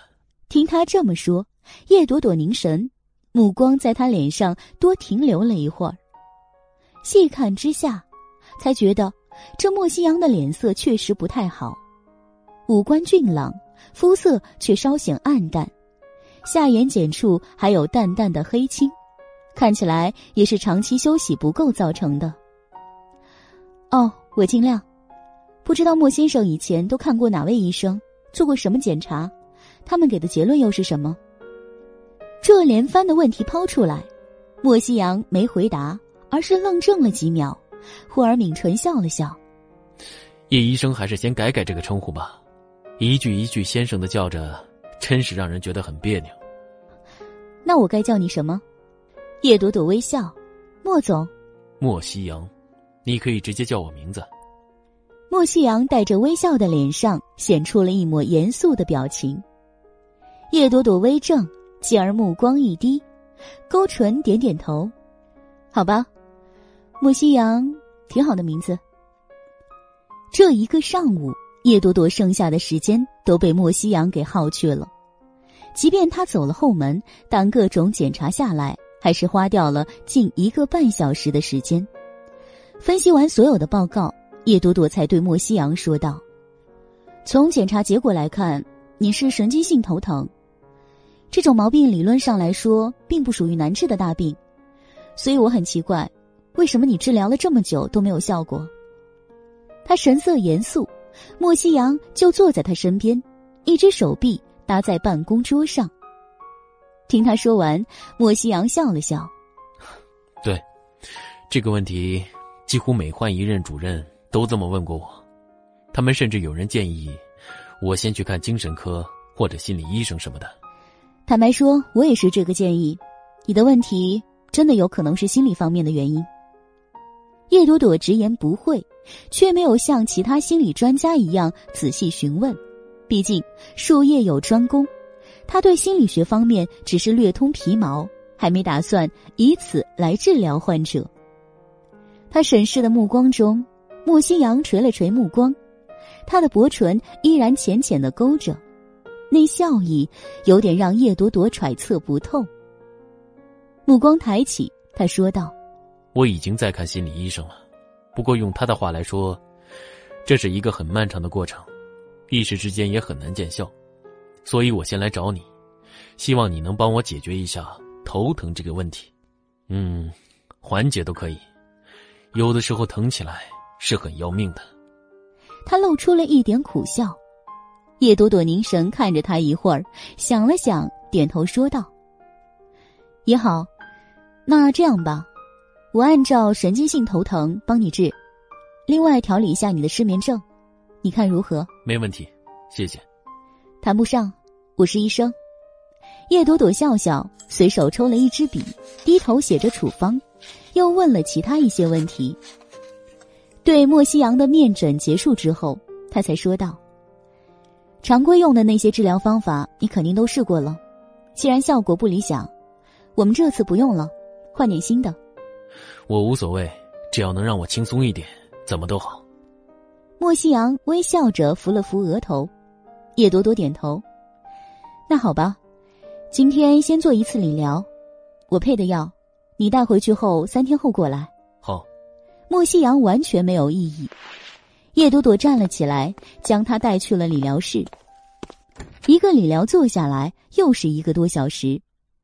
莫西阳从理疗床上起来，脸上多了一抹感激。叶医生，看来我找你是找对了。现在感觉很舒服，没有之前那种紧绷感了。刚刚做完，当然舒服一点。这没什么的。一次而已，也维持不了长久，还是要按照疗程来，后面会好转很多。叶朵朵公式化的答。莫西阳穿上外套，抬手看了看腕表。啊，真抱歉啊，耽误了你的午饭时间。不如中午一起吃饭。叶医生肯赏光吗？不了，我之前好几天没来，很多病人的事情都没有处理，我还要加班。叶朵朵回答的干脆。说完，才抬头向莫西阳无奈的笑了笑。莫西阳倒也没有勉强，客套了几句之后告辞了。他这边出医院大门的同时，荣寒生的车也刚巧停在了大门口。车还没停稳，驾驶座上的伊森就看见刚从医院主楼台阶上下来的莫西阳。老大，是莫西阳。他提示一声。荣寒生朝窗外看了看，眸光浅浅眯起。看了旁边已经枕在他腿上睡着了的叶子熙一眼后，他才嗯了一声。伊森停稳车，也没下去，扭头道：“这莫西阳到这里来，不会是来找少夫人的吧？不知道，人家也有可能生病，进个医院没什么奇怪的。”荣寒生讥诮道。目光远远看着莫西阳走到停车坪，上了车。话是这么说，可我总觉得这个莫西阳不是什么好人。上次我们查在山庄诬陷您藏毒的事，和后来在海上劫持少夫人的事，这两样都有蛛丝马迹跟他有关。但查到关键的点上的时候，相关的人就莫名其妙的失踪了，有的干脆出了意外。老大，总之我觉得这个莫西阳不是好人。心里太过排斥，他又重复了一遍。荣寒生收回目光，冷冷一笑：“他本来就不是好人，做那种生意的有几个不是心狠手辣的角色？那你可要提醒少夫人一声。这用你说。”荣寒生凉凉的瞪了一眼回去，而后看了一眼睡得香甜的叶子熙，又道：“子熙刚刚睡着了，你在下面看着他，我上去一下就来。”吩咐完，他才小心翼翼的将叶子熙的小脑袋挪到座位上，自己下了车。荣寒生走到叶朵朵办公室的门口，还没进门就闻到了一股康师傅牛肉面的味道。你才吃饭，还吃的泡面？不悦的嗓音突然自身后响起，叶朵朵吓了一哆嗦，还以为自己出现幻觉了，回头一看，真的是荣寒生，他立即皱起了眉。你不在家好好休息，跑这里来干什么？带子熙去吃大餐，路过这里上来检查你。荣寒生直言不讳，看了那泡面碗一眼，脸又黑了一点。现在都几点了才吃饭？刚看了一个病人，耽误了。随口应了一句，叶朵朵就低头继续对付他的泡面去了。荣寒生拖了一只椅子，在他身边坐下。目光清浅的落在他筷子上那几根弯弯曲曲的泡面上，稍停了一会儿，问道：“是谁？”叶朵朵正吸溜着几根泡面进嘴，还没吃完，就这么挂在嘴上，抬眼看着他，嚼完吞下，他才说道：“你连这都问，是不是管太宽了？是不是莫西阳？”荣寒生直言，叶朵朵呆了一下：“你怎么知道？”真是他，荣寒生淡淡一笑。我来的时候刚好在门口碰上他了。你们认识啊？叶朵朵听着没什么问题，随口一问，又去吃面了。荣寒生没吭声，沉默了一会儿，才凝着那个专心吃面喝汤的某人，严肃的说道：“朵朵，少跟莫西阳这个人来往，他是个危险分子。”此时，叶朵朵刚刚吸溜了一口辣劲儿十足的泡面汤下去，被“危险分子”几个字刺激了一下，呛在了嗓子眼里，顿时就咳了起来，呛到气管。叶朵朵这一番辣的销魂，顾不上瞪荣寒生一眼，就慌忙放了泡面碗，抽了纸巾，捂着嘴趴在桌上咳嗽起来。荣寒生先是一愣。而后无奈的蹙眉，拖着椅子过来，抬手帮他拍背顺气。等叶朵朵这边好转了一些，他才端起了他的水杯递过去，喝口水，以后不许吃这样的垃圾食品了。他语气微凉，像对小朋友一样略带训斥。叶朵朵接过水杯，猛地喝了两口，缓过劲儿来，才瞪了他一眼：“这还不够怪你？”说话能好好说吗？什么危险分子，听着跟恐怖分子一样，吓我一跳。他就是个危险分子。荣寒生正色道：“他是 M A 财团的主席，M A 财团旗下业务涉嫌许多你无法想象的非法勾当，这样的人，不比恐怖分子更安全。”哦，是吗？叶朵朵第一次知道 M A 财团是这样，有点意外，盯着荣寒生看了一会儿。杏仁大眼闪了闪，非法勾当、军火吗？毒品、洗钱？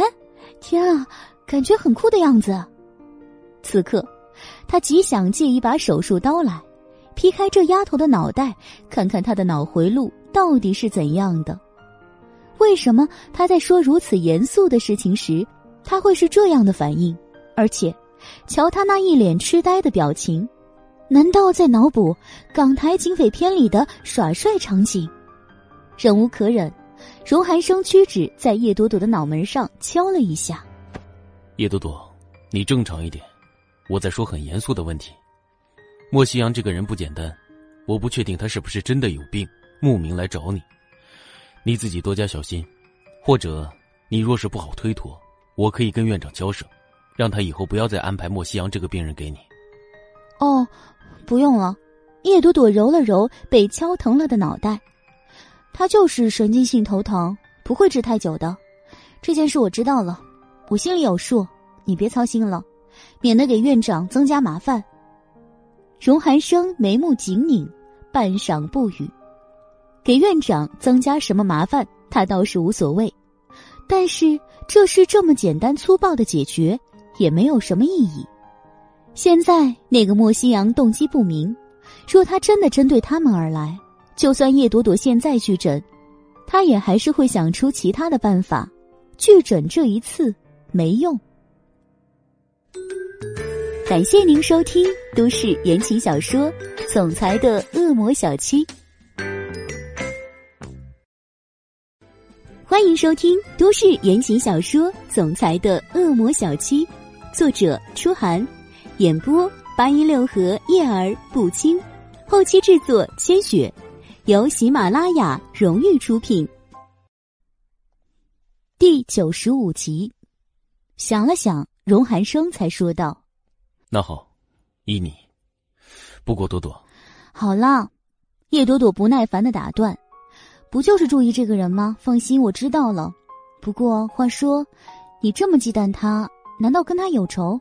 没有，只不过他好像跟大哥走得很近，想来对我也没什么善意。荣寒生直言。叶朵朵听到这里才愣了一下。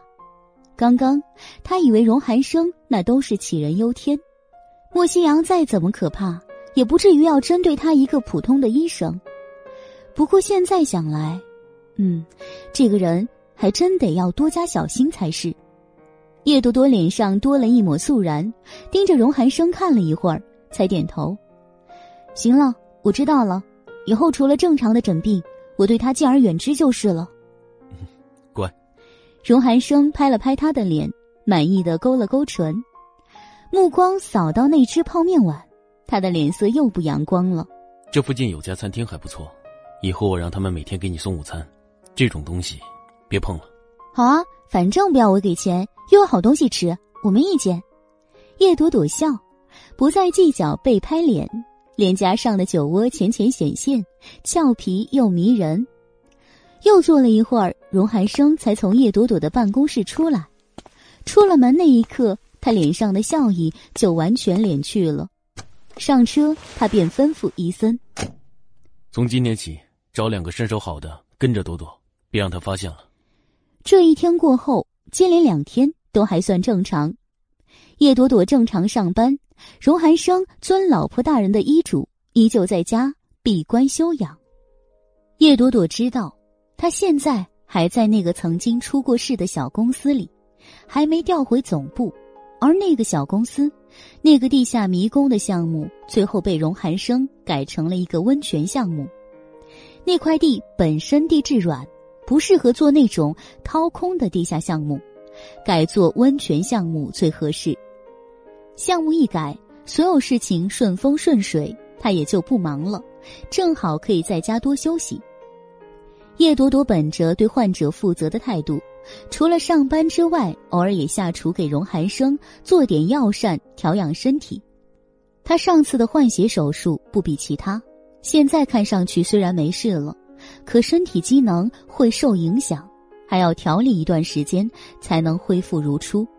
这些，他虽然不是天天挂在嘴上说，但是实际行动上表现出来了，这就被荣寒生抓住了。每每他下厨、洗手、做羹汤的时候，他便倚在门边，有时候只看不说话，有时候调侃他几句。每次被调侃的时候，叶朵朵都会被气疯，然后发誓再也不自虐了。但是每次该做的还得做，这一点让荣寒生觉得某人距离贤妻良母那长城般的距离缩短了一些。所以，即便他做的东西真的不如阿姨做出来的，他基本上还是勉为其难的都吃光了。这样过了三天。依旧在家相妻教子的荣寒生接到了父亲荣若甫的电话。荣若甫让他回家一趟，那语气是不容置疑的。算算时间点，荣寒生也知道叫他回去干什么了，所以当天安顿好叶子熙之后，他就回了一趟老宅。进门没有看到林芳如，佣人只告诉他荣若普在楼上书房等他。荣寒生上了书房，跟荣若普打了个招呼后，就坐在了他的对面。就做父亲来说，荣若普不是很和善的那种父亲，所以父子之间的距离有点远。荣寒生对他足够尊敬，却极少开诚布公的促膝交谈。像今天这样面对面而坐谈话，都在少数。一年中大概只有那么几次，还是谈公事。不过这一次，他大概不想跟自己谈公事。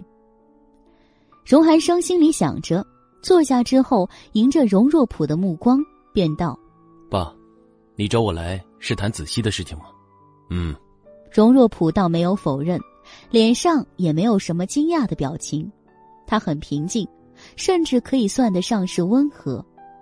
瞧着他的脸色，荣寒生浅浅的勾了勾唇：“你们的报告拿到了？”“嗯。”又是一声。荣若甫挑眉盯着荣寒生看了几秒，确实是我们荣家的骨肉，所以今天我想问问你的意见。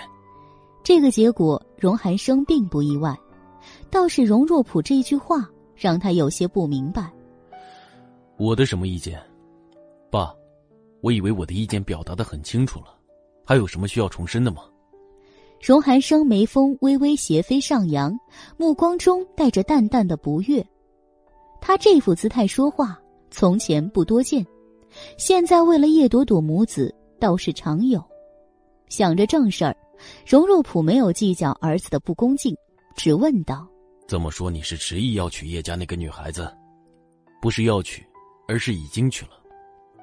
结婚证已经领了，只不过事出仓促，还没跟爸妈说而已。”闻言，荣若甫一惊，脸上瞬间多了几分冷冽的霜白。荣寒生先前放出的消息里，只说他结婚了，认了个儿子，可没见哪个媒体爆出他已经领了证的。没想到，他这个儿子这一次真的彻底把事做绝了。放出消息的同时，证都领了，摆明了不给他们任何说不的权利了。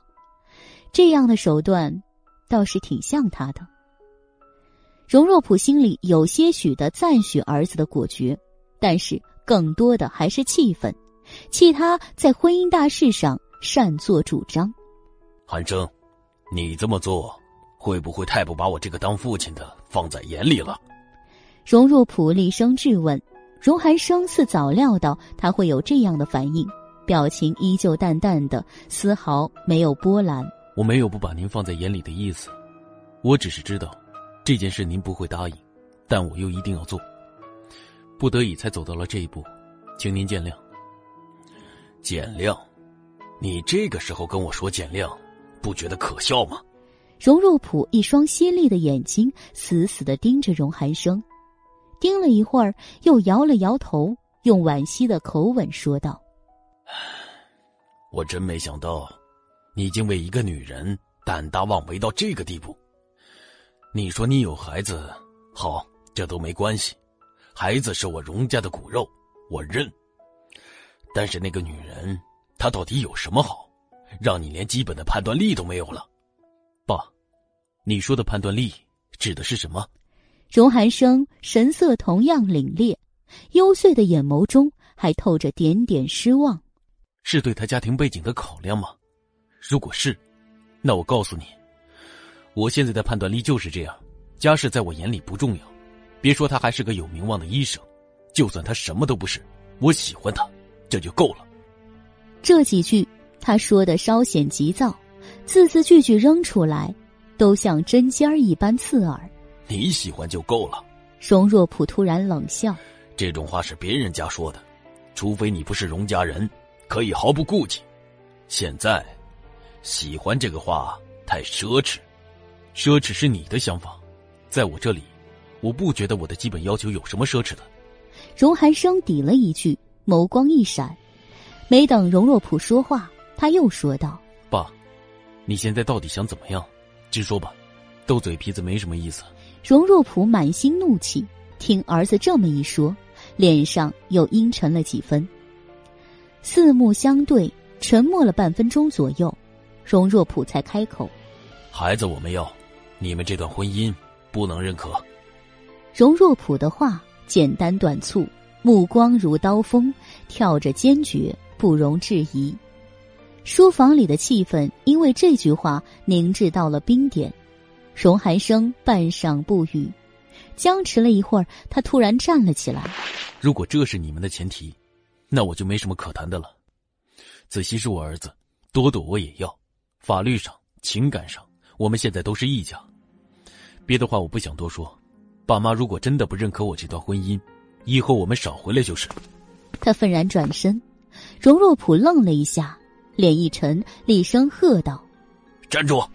荣若普也跟着站了起来。你这混账东西！骂声还没落下，他就抄起了桌上一只水晶摆件，朝荣寒生砸了过去。摆件砸在荣寒生背上，掉了下来，啪的一声，裂成了一地繁星。为了个女人，你的眼里现在已经没有我和你妈了，寒生，我警告你，你别忘了你现在还在下面的分公司待着。董事会没有我点头，你回不来。别把你自己的前程毁在一个女人的手里了。荣若普放了狠话，荣寒生缓缓转身，看着盛怒的父亲。前程能被一个女人轻易毁掉的，那就不叫前程。爸，如果觉得这样您能满意，那您随意。朵朵，我是不会放弃的。他抬步就准备走，却不料，刚动步，手机就响了。拿出一看，叶子熙三个字跳了出来。临走的时候，已经跟叶子熙说清楚，自己要回爷爷奶奶家里办点事儿。子熙不是那种缠人不讲理的孩子，这时候还会打电话来。荣寒生心跳莫名的加速，他没再往前走，就站在原地接了手机。短短半分钟。叶子熙在那边只语速极快的说了三两句话，就把电话给挂了。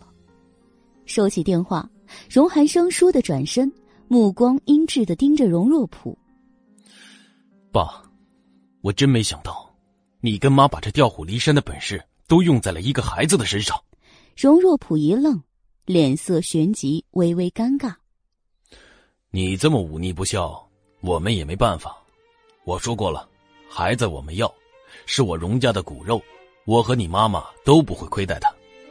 即便你以后再婚，再有孩子，这个孩子也是我的长孙，跟你以后的孩子享受同样的待遇，这一点你不用担心。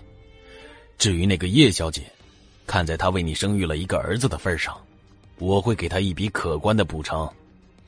他们家的明远公司我已经调查过，资产不过几千万，我可以送他几个明远公司。这样恐怕不能算亏待他了。这语气比刚才缓和，话说的很慢，没有那么激动，言语间透着一股子财大气粗的傲慢。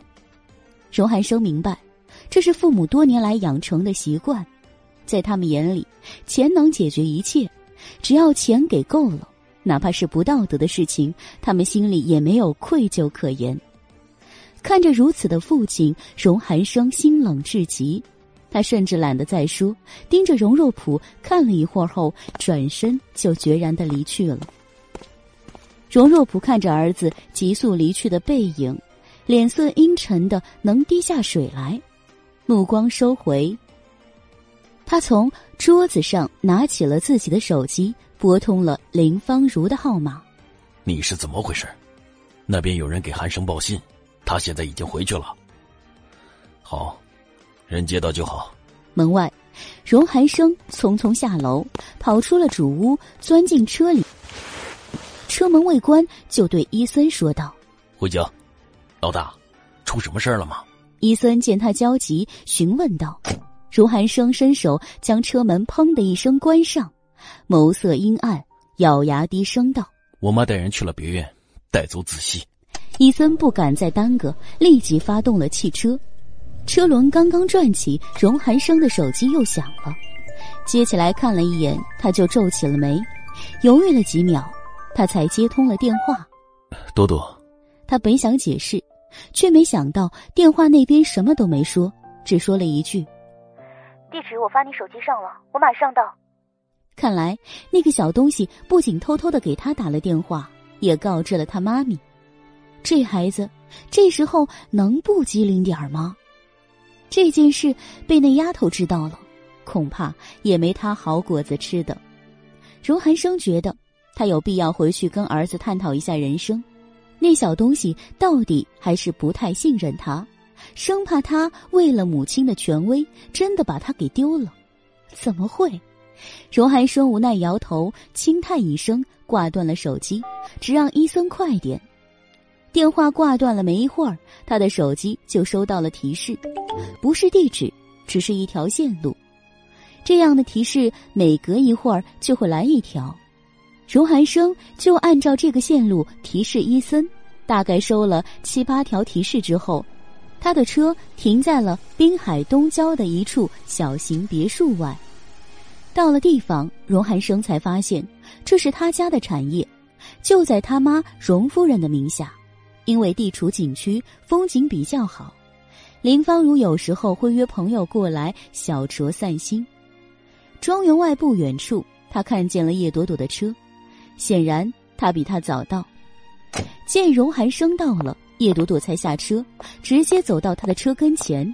没等荣寒生说一句，叶朵朵便对着还在车里的他道：“你现在什么都别说，先找到子熙，有什么事情我们回家再说。”他脸上并没有什么特别的愤怒，那冷静的模样让荣寒生微微愣怔，回过神，他才点点头。好，叶朵朵这才朝他们来的方向又看了一眼，问道：“只有你们？其他人在后面，我直接过来的，没等他们。”说这话的时候，荣寒生的语气有点沉闷。到自家庄园见自己的母亲，还要带上手下。这确实是一件让人高兴不起来的事情。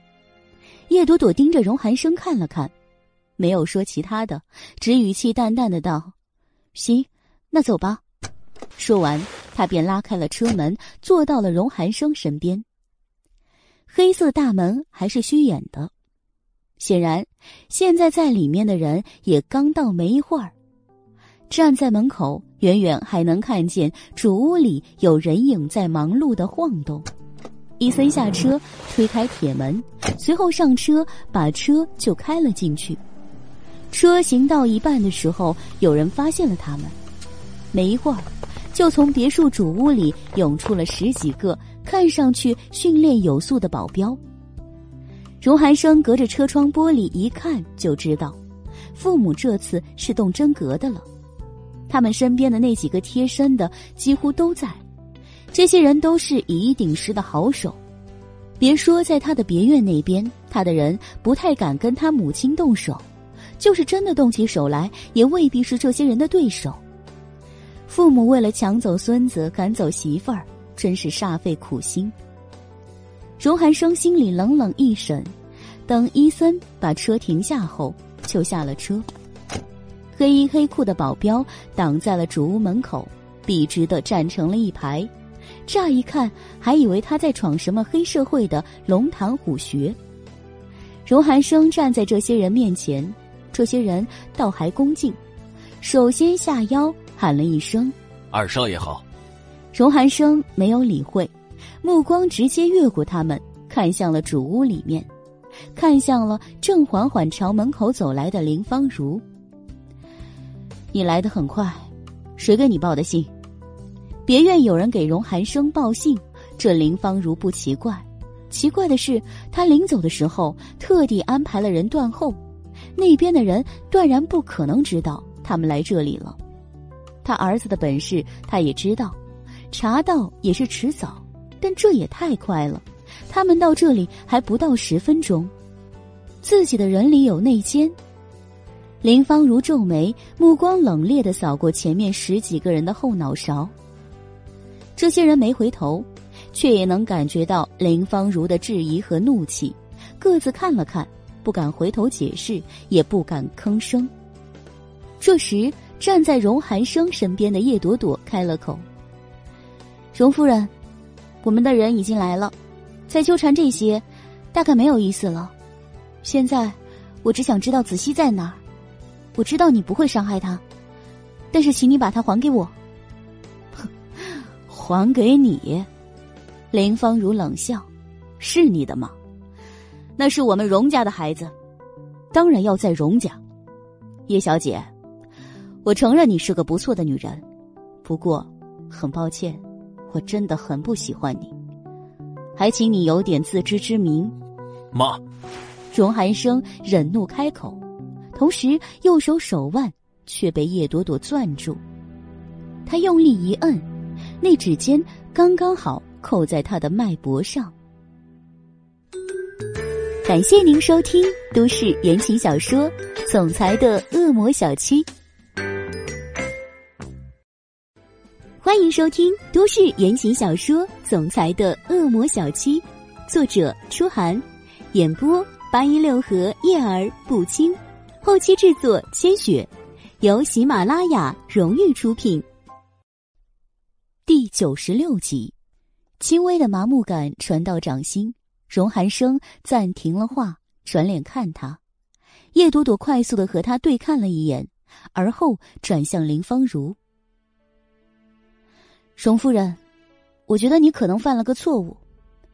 我现在是跟荣寒生结婚，不是跟你。你喜不喜欢的？”对我来说好像不太重要。你说什么？跟我犟嘴？这是谁教你的规矩？有跟婆婆这么说话的吗？林芳如气得脸变色。叶朵朵松开荣寒生的手腕，低眉轻轻一闪。刚刚你提醒我，让我有点自知之明。我哪还敢认您做婆婆？一句话把林芳如给堵了一下。他气得伸手一指叶朵朵，愤怒的目光直接投向了他自己的儿子。寒生，这就是你选的媳妇儿，是不是非把你妈气死你就高兴了？话到这里，没等荣寒生说话，他又猛地甩回自己的胳膊，话锋一转，说道：“我也不跟你废话了，我们的意思，你爸想必已经说的很清楚了。”这件事，在我和你爸这里，没有什么回旋的余地。总之，这孩子我们要，叶朵朵，她不可以进荣家大门。今天你来了也没用，孩子就是在我这里，那又如何？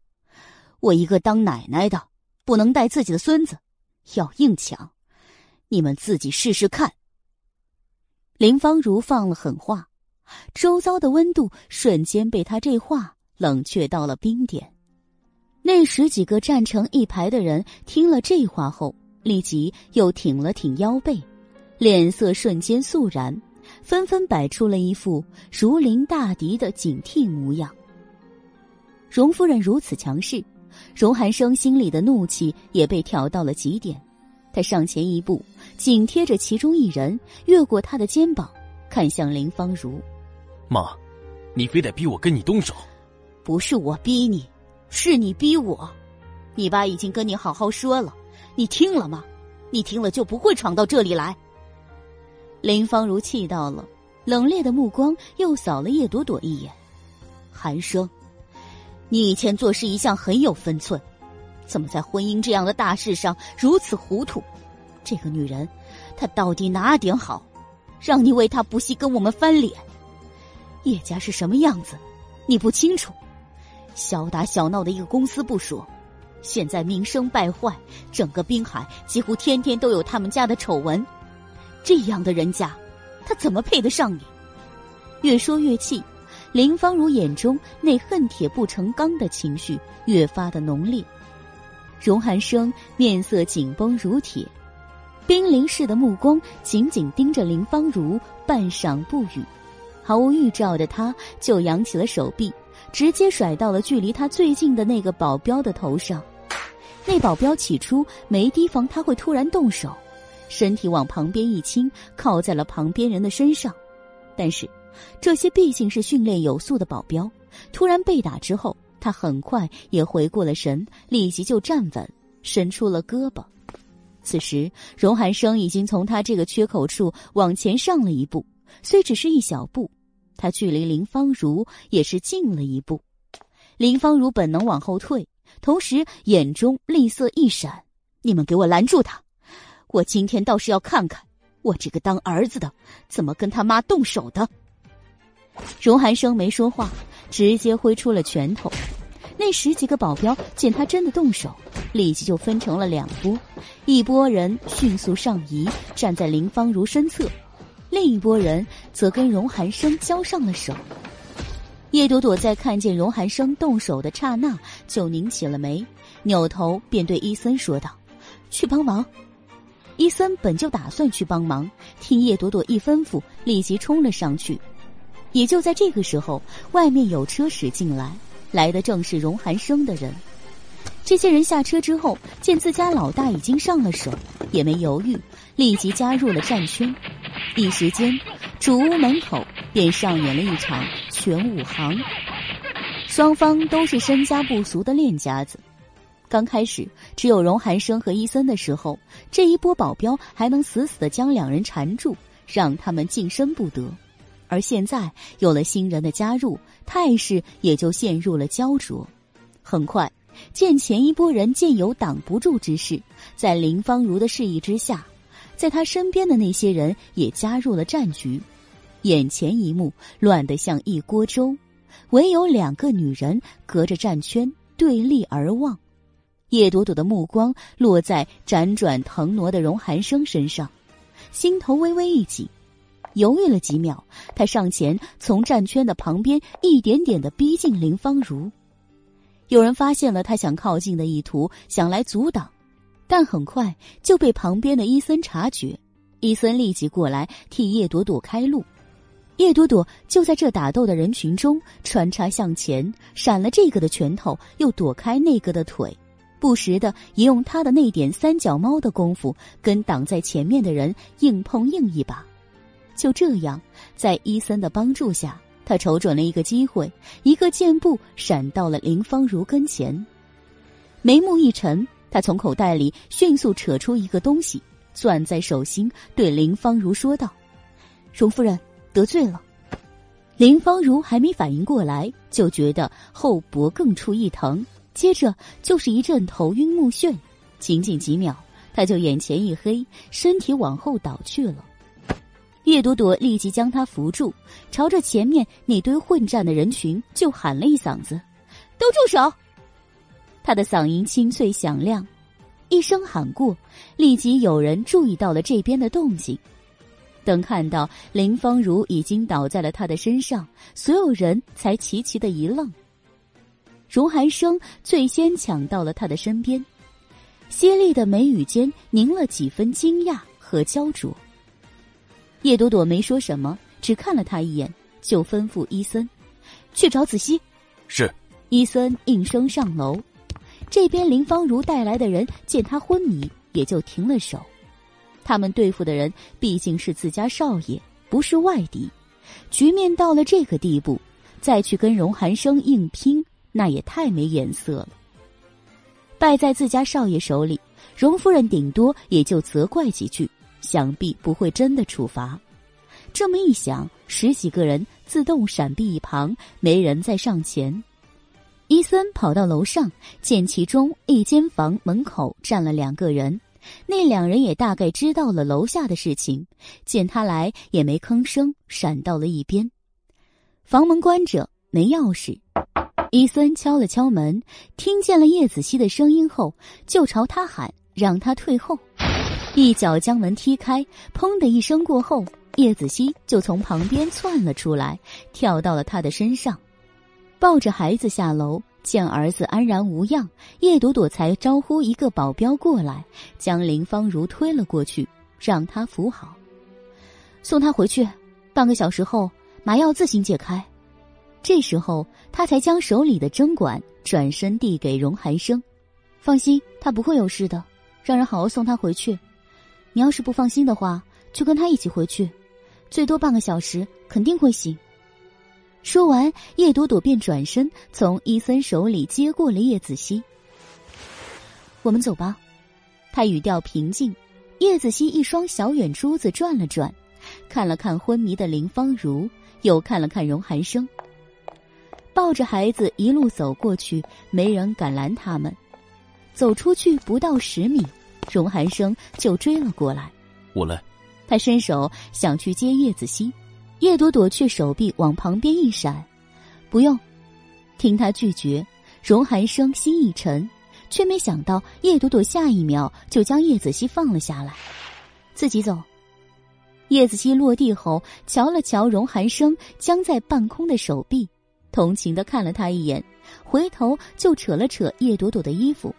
妈咪，你别跟爸爸生气，这件事情跟他没有关系了。他当时都不在家，你看他都受伤了，你别生气了好不好？你闭嘴，上车去。叶朵朵懒得搭理小东西，一巴掌拍在了他的屁股上，让他先走。一旁的伊森看出夫妻俩有话说。便很有眼色的将叶子熙扯到了前面，朝停车的地方走。没了小家伙的聒噪，荣寒生才拽住了叶朵朵的手。多多，你也闭嘴，赶紧回去。自己身体不知道什么情况吗？逞什么呢？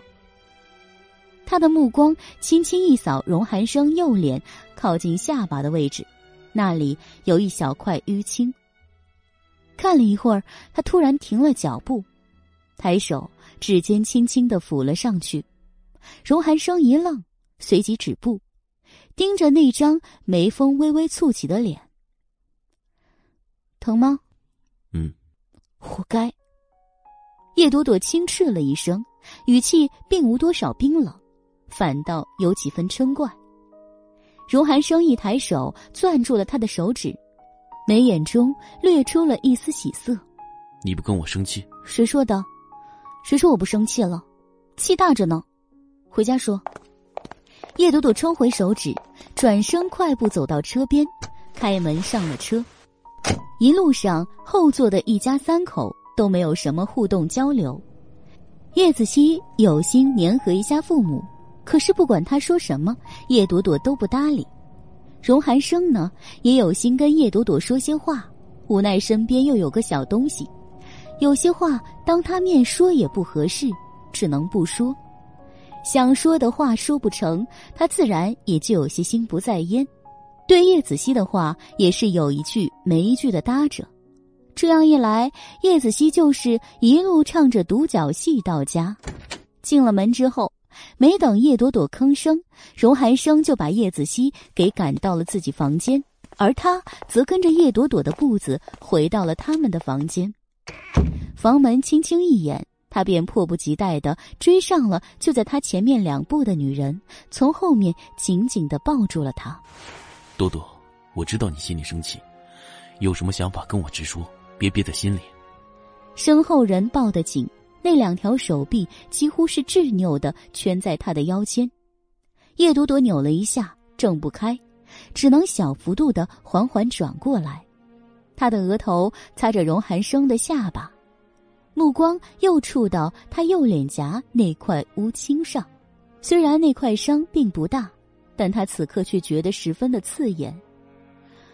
我是生气，我生气，你为什么不能再等一会儿，自己就伸手跟他们打到一块儿去了？荣寒生，你当你是奥特曼还是钢铁侠？我跟你说过，你现在虽表面上看着没事。但是身体底子亏了，要好好调养。你呢？你干什么了？打架很过瘾是不是？多等几分钟，你的人来会死吗？眼前粉唇快速的开合，从他嘴里溜出来的话，像机关枪似的快准狠的扫向他。荣寒生愣怔几秒，松了一只手，摸了摸自己的右脸。所以，你是在关心我吗？手一松。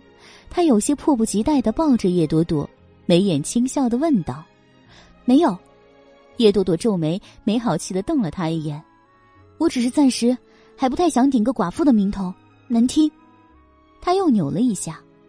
荣寒生见他的怒气真的不在林芳如的事情了，也就放了心，松开了他。叶朵朵直接去了浴室，没一会儿拧了一条热毛巾出来，递给了荣寒生。自己拿着敷一敷。等荣寒生很听话的接过毛巾，他又问道：“还有其他哪里不好吗？”没了，那几下还不至于把我怎么样。哼，叶朵朵讥讽的冷哼，那是因为下手的是你家的保镖，人家手下留着情呢，不然你今天就得趴那儿。朵朵，留点面子。虽然说的是实话，可听着真是刺耳。你命都不要了，还要什么面子？叶朵朵没好气的抵他一句，自己却走到了衣架旁，取来了他的家居服，转回来扔给他，他也没说话。荣寒生另一只手接过衣服，看着叶朵朵还挂着薄怒的小脸，想起了叶子熙那句口是心非来，眼中不由又掠出了笑意，捏着热毛巾捂了一会儿，等那热度退下去一些，荣寒生才放下毛巾，站起来换衣服。叶朵朵把他那身沾染了灰尘的衣服拿到手上，准备送下去洗，胳膊。就被他拽住，别走，这个放在这里，我有话跟你说。荣寒生一把扯掉他手里的衣服，随意的丢在一旁，而后又将他拽到身边，坐在了床边，身体一歪到荣寒生身上，叶朵朵便说道：“要是道歉什么的话，就算了，这事儿我知道不是你的意思，你的道歉也不能代表他们，废话还是少说。”那我还能说什么让你消消气？荣寒生有些无奈，等他坐好，就抓了他的一只手，放在自己的掌心里。叶朵朵看他，大眼一瞪：“我没生气啊，我说了我没生气，我心情很愉快。”抬手一勾他的下巴，让他的脸正面对着他，荣寒生才微微的眯起了眼睛，过了几秒，才说道：“。”既然你没生气，那就算了，好话也不用我说了。我们现在来谈谈子熙的事情。他有什么事？叶朵朵头一偏，避开了他的手指。荣寒生笑笑：“这要问你啊，你在他手机上装了定位系统，为什么我不知道？”你观察能力弱。叶朵朵一句堵了回来。荣寒生抽了抽，突然觉得自己是给自己挖了个坑，眉目一低。他刚好看见那只从他口袋里蹦出来的针管，在庄园那边，叶朵朵给他的时候，他随手装在了口袋里。现在看到，他不由得轻蹙起了眉。你是不是来的时候就想好了，道具都准备齐全了？叶朵朵盯着他，仔细的研究了一番他脸上的表情，过了几秒，才眉目一低，语气平淡的说道：“那是因为我有先见之明。”绑走你儿子的是你亲妈，我能怎么办？你又能怎么办？打得天翻地覆，他要是死不松口，你还能怎么着？逼急了，还指不定会怎样。只能让他先睡一觉，大家都省事。反正我在他那里也是上了黑名单的，无所谓多此一桩恶行。说到这里，他的唇边带出了一点自嘲的味道。荣寒生盯着他。隐隐的心疼，没等他开口，叶朵朵那目光又挑了起来。你休息休息，自己觉得没事的话，想回家就回家吧。我那个迷药是肯定不会对人有伤害的，不过，等他醒了，那气肯定是少不了的。说到这里，他就站了起来。我去看看子熙，你自己看着办。刚抬步。荣寒生竟也跟着站了起来，又从后面紧紧的抱住了他。我不回去，我的家在这里。多多，对不起。他语气沉闷，低着头，下巴紧贴在叶朵朵的脖颈处，温热的气息喝出来，在他的脖颈处缠绕着。你受委屈了，让你惩罚好不好？这话，听着怎么这么色情呢？叶朵朵耳根发烫，微微的皱眉。荣家大宅，林芳如被送回家的时候就醒了，一睁眼，躺在自家床上，身边则坐着许凌寒。感谢您收听都市言情小说《总裁的恶魔小七》。欢迎收听都市言情小说《总裁的恶魔小七》，作者：初寒，演播八一六和叶儿不清，后期制作千雪，由喜马拉雅荣誉出品。第九十七集，刚醒来的林芳如脑子里还有点懵，还有点糊涂。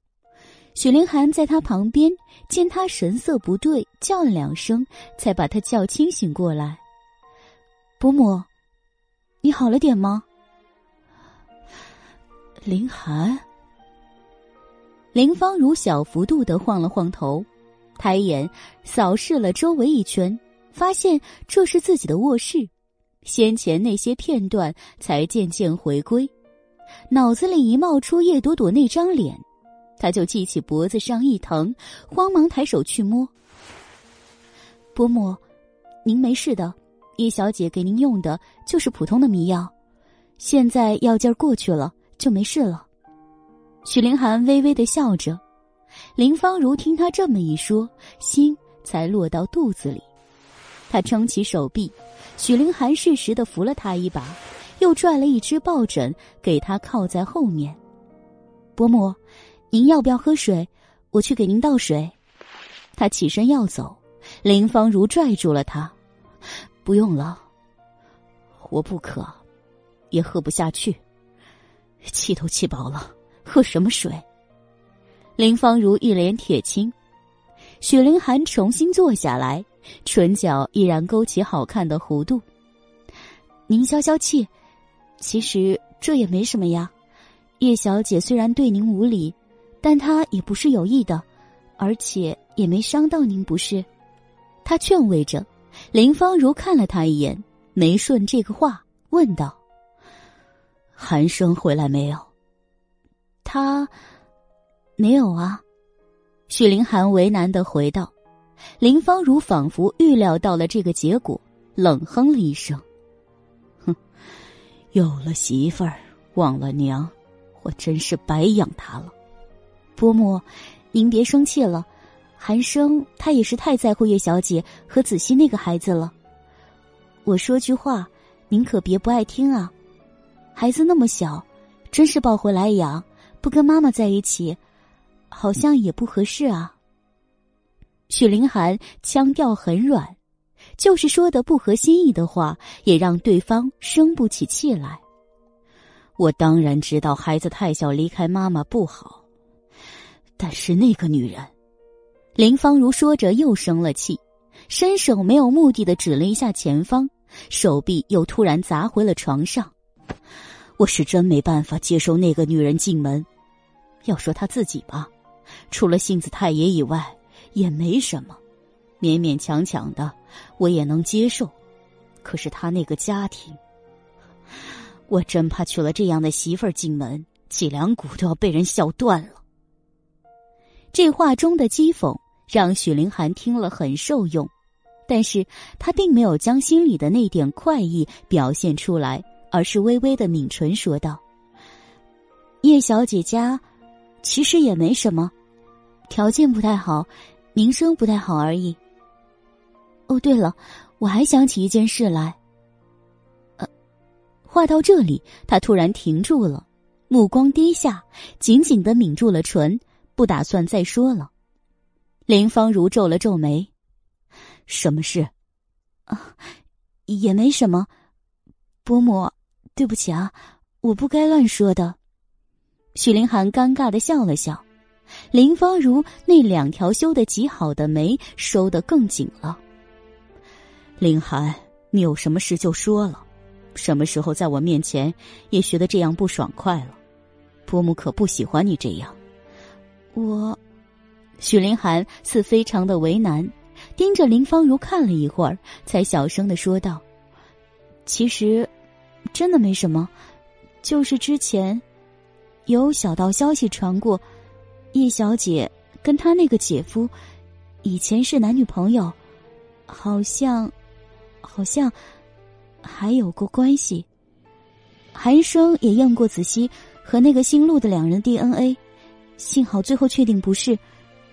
就是这样，这都过去很多年了，伯母，您可千万别往心里去。什么？林芳如根本没听见他最后一句劝说，他的话只停留在前面。照你这么说，他自己都搞不清楚孩子到底是谁的。天哪，这、这，怎么会有这种女人？没有了，伯母，我不是这个意思。许凌寒急了，我就是说，他们两个好像有点关系，但是这孩子肯定是韩生的了。您和伯父不都验过了吗？不会有错的。哼，林芳如重重冷哼。检测是我和你伯父看着做的，当然不会有错。这孩子当然是我们荣家的骨肉，但是那个女人道德败坏，乱搞关系，这样的人怎么配做荣家的媳妇儿？韩生真是昏了头了，他怎么能容忍这样的女人留在身边？伯母，您千万别这么说，这话传到韩生耳朵里，他会不高兴的，到时候。他肯定要怪我乱说话了，我我我我不是故意的呀，都怪我，我多嘴了。这不怪你。林芳如喝住了不停自责的许凌寒。他之前虽然排斥叶朵朵，但是对叶家的事情并不是很关心，自然也没太留意到网络上偶尔会扯出来的叶朵朵和陆景成那点事儿，更不知道。荣寒生曾经给叶子熙跟陆景成做了 DNA 检测，这样的事情，在他这个年岁的豪门贵妇来看，那简直是不可原谅的。等许凌寒不再说话，他才略带责怪的看了他一眼：“你知道这些，怎么不早告诉我？”“我，这我哪能乱说吗？事关名誉，说出去了，对叶小姐多不好。”他。他还有什么名誉？林芳如冷笑：“我看韩生的名誉也快被他消耗尽了。我只知道他那个姐姐跟陆家闹得不可开交，差点闹出人命。真没想到他跟他姐夫之间还有这种事。”许凌寒看了看林芳如，又说道：“其实也没什么的，这都是好几年前的事情了。大概是因为姓陆的劈腿他姐姐。”他们才分的手，其实这件事里叶小姐也是很无辜的。无辜？林芳如蹙眉，林寒，你太善良了。什么叫无辜？这种事放别人家那叫无辜，还能博取人同情；放我们这里不行。荣家娶媳妇儿就要娶那种干干净净的女人。别说她叶朵朵还跟那个陆陆什么来的有过关系，就算没有。一个女人家身上背着跟姐夫不清不楚的名声，我们也不能接受。林芳如是越说越气，随手掀了被子就要下床。不行，我要找韩生把这个问清楚，问问他是不是疯了，一只破鞋都当宝贝。伯母，您别。许凌寒摁住了他，紧忙劝道：“伯母，您就听我一句好不好？韩生现在心里都是他们两个。”您再这样跟他硬碰硬的，岂不是伤了和气？您是不喜欢叶朵朵，可是韩生和子熙，你总得顾着呀，不要去找他们好不好？算我求您了。许凌寒语气卑微，话说的十分在理。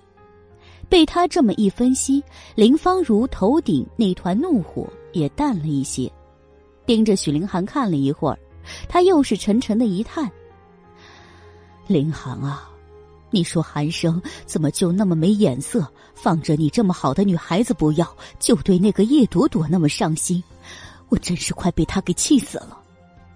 伯母，许凌寒笑笑，这都过去了，现在不说这个。再说，我跟荣耀在一起，以后也还是孝敬您啊。荣耀，林芳如想了想，脸色微微严肃。你给伯母说句实话，你真喜欢荣耀了。这，许凌寒低头沉默了好一会儿，才无奈的勾了勾唇。伯母，我的心思你知道的，但是现在，寒生不要我，我也没办法。我从小就在荣家，也不想再嫁进那些不熟悉的大家庭里去了，所以荣耀也是我的一个不错的选择。他对我挺好的，我呢，处的久了也会慢慢有感情的。最后的话，他说的有点勉强。林芳如盯着他看了好一会儿，最终也只能叹了一口气，拉着他的手摩挲了几下。难为你了，没事。许凌寒大度的笑笑，只要您别生气了就行。寒生和叶小姐的事，先这么放放吧。过段时间，也许他自己就想通了，也不一定。子熙那孩子，您要是喜欢，经常去看看，接触多了，那小东西恐怕自己都要嚷着到奶奶身边来了。就你会说话，林芳如终于被逗笑了，心头的郁气也散了不少。哦，对了，许凌寒又突然想起什么似的，立即站了起来。没等林芳如说什么，就转身疾步走了出去。过了一会儿，他又进来，手里捧着一个盒子。伯母，这是我妈妈托人给您带来的礼物，在替国白龙寺里开过光的一串佛珠。我妈妈说，这个佛珠有凝神的功效，您经常戴在手上，对身体好。他将一个佛珠手串从一只精巧的盒子里拿了出来。双手捧着，递给了林芳如。我妈说了，这是沉香木中最好的沉水珠，这样的东西只有伯母您带着才合适，她自己带都浪费了，所以送您了。呵，是吗？林芳如接过珠子，仔细看看，看了一会儿，便眉开眼笑。你妈妈真是太客气了，也太谦虚了。许灵还没说话，伸手捏过珠子。将手串套在了林芳如的手上，才道：“我妈妈说的可没错，这种东西她戴了不合适。您这样的身份才相得益彰。伯母，我知道您为了寒生的事情不舒服，但是您得听我一句劝。如今最要紧的不是让叶朵朵离开，要紧的是拢住寒生和子熙那个孩子的心。他们的心向着您了，再让叶朵朵离开。”那是分分钟的事情，他们的心不向着您，再闹起来又是一家不宁，传出去都让人笑话。您说呢？林芳如愣了一下，低头看着手里的沉香木手串，抬头又看看许凌寒。你说的对，这事儿我和你伯父都太急躁了，反倒让寒生的心更向着那个女人了。幸好还有你这么懂事，知道提醒我。应该的，许凌寒笑笑，没再说什么。有了许凌寒的劝慰，荣家大宅那边暂时就消停多了。叶朵朵并不知道这是许凌寒的功劳，也不想去琢磨到底为什么那边没了动静。在他的想法中，他觉得经过了这件事之后。荣若普和林芳如这对作为父母的，应该会了解儿子的决心才对。他们若是聪明的，就知道不该在这风口浪尖上继续跟儿子硬碰硬，那样真的没什么好处。因为他们的儿子不是任人欺负的小猫，而他也不是。就算有什么想法，至少也缓过了这口气再说。鉴于这样的考虑。叶朵朵也就将心思从这个插曲中收了回来，毕竟生活还要继续，老在这种事情浪费心思很烦。接下来的一周，荣寒生前三天在家休息，第四天脸上的淤青退干净了，身体也恢复的差不多了，就有限度的外出工作了。叶朵朵这边工作依旧忙碌。那个莫西阳也来做过了好几次的理疗，他之前给他配的药，他也吃的差不多了，连声的夸叶朵朵医术高明，做的治疗和药物都非常有效果，说他现在的情况已经好转了很多。有那么几次，他还在做完治疗后约他吃饭，但都被叶朵朵以各种各样的理由给回绝了。这一天。同样的场景又一次上演之后，叶朵朵回到了自己的办公室。自那日荣寒生来撞见他吃了泡面之后，每天中午真的就有人从餐厅里往这边给他送吃的。不知是不是荣寒生特地把他的口味偏好交代了，他发现每天送来的饭菜都很合胃口，菜色也是他喜欢的，基本上没出过偏差。这一天，送走莫西阳之后，他就回到了办公室，等每天必到的午餐。哪知过了时间点，那午餐居然还没影子。每天中午十二点之前，午餐是必到的。今天已经十二点半了，还没影子。叶朵朵越等越饿得心慌。她身形偏瘦，偶尔血糖会低，尤其是一饿，简直觉得头眼晕花，心脏都在扑通的乱跳。所以等了一会儿之后，她就放弃了，起身去了医院食堂。刚到食堂门口。小助理就在背后叫他：“叶主任，您怎么也来食堂了？不是有人天天给您送爱心餐的吗？”“哦，某人的爱心今天没了。”叶朵朵饿得心里堵得慌，随口答了一句。身后跟来的两人，一个是他的助理，叫周婷；一个是他们同科室的护士，叫温暖。他们三人其实年岁差不多，叶朵朵比他们也大不了两三岁。又加上没什么架子，所以平时跟他们相处的也很随意。三人一路往食堂里面，温暖比周婷胆子大，听他们说到爱心餐，干脆就凑过来问了一句：“叶主任，这爱心餐是你老公帮你订的吧？荣二少真的好有心哦。”呵，叶朵朵干笑两声：“我已经快饿得前胸贴后背了，这么说可真不合适。”三人笑着径直走到窗口处取了餐，然后找了个靠窗的座位坐下。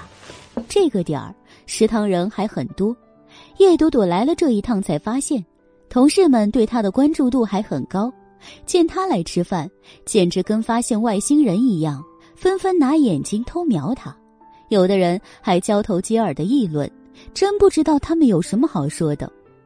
叶朵朵在瞅着那几个看上去比较诡异的人发呆，刚把目光收回来准备开吃，就听周婷说道：“叶主任，那些人您别介意，他们就是嫉妒您，嫉妒您年轻漂亮，能力还好，更嫉妒您嫁了荣二少那样的好老公。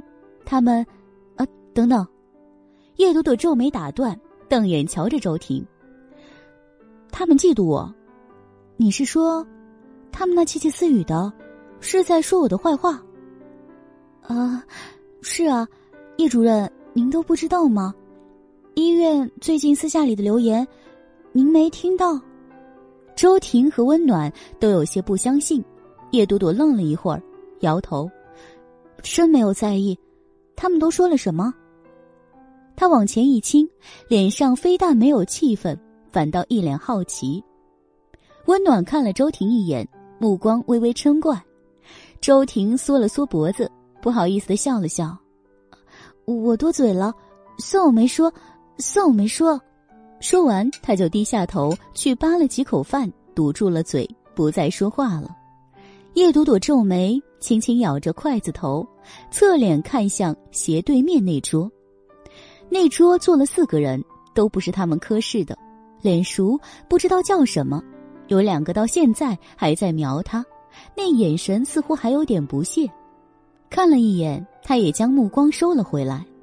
有人的地方就是有是非，他还是不要费心思琢磨了。食堂的菜色一般，打了一份青菜，居然没炒熟，硬生生的，味道怪怪的。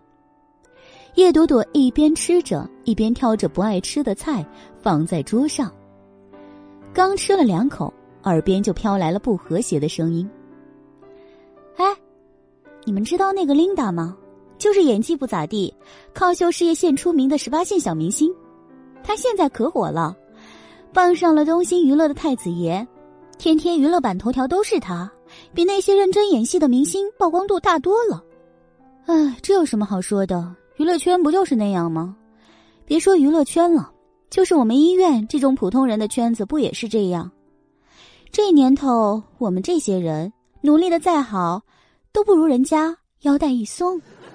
一个平时就胆大的语出惊人，说完后，一桌人都在笑。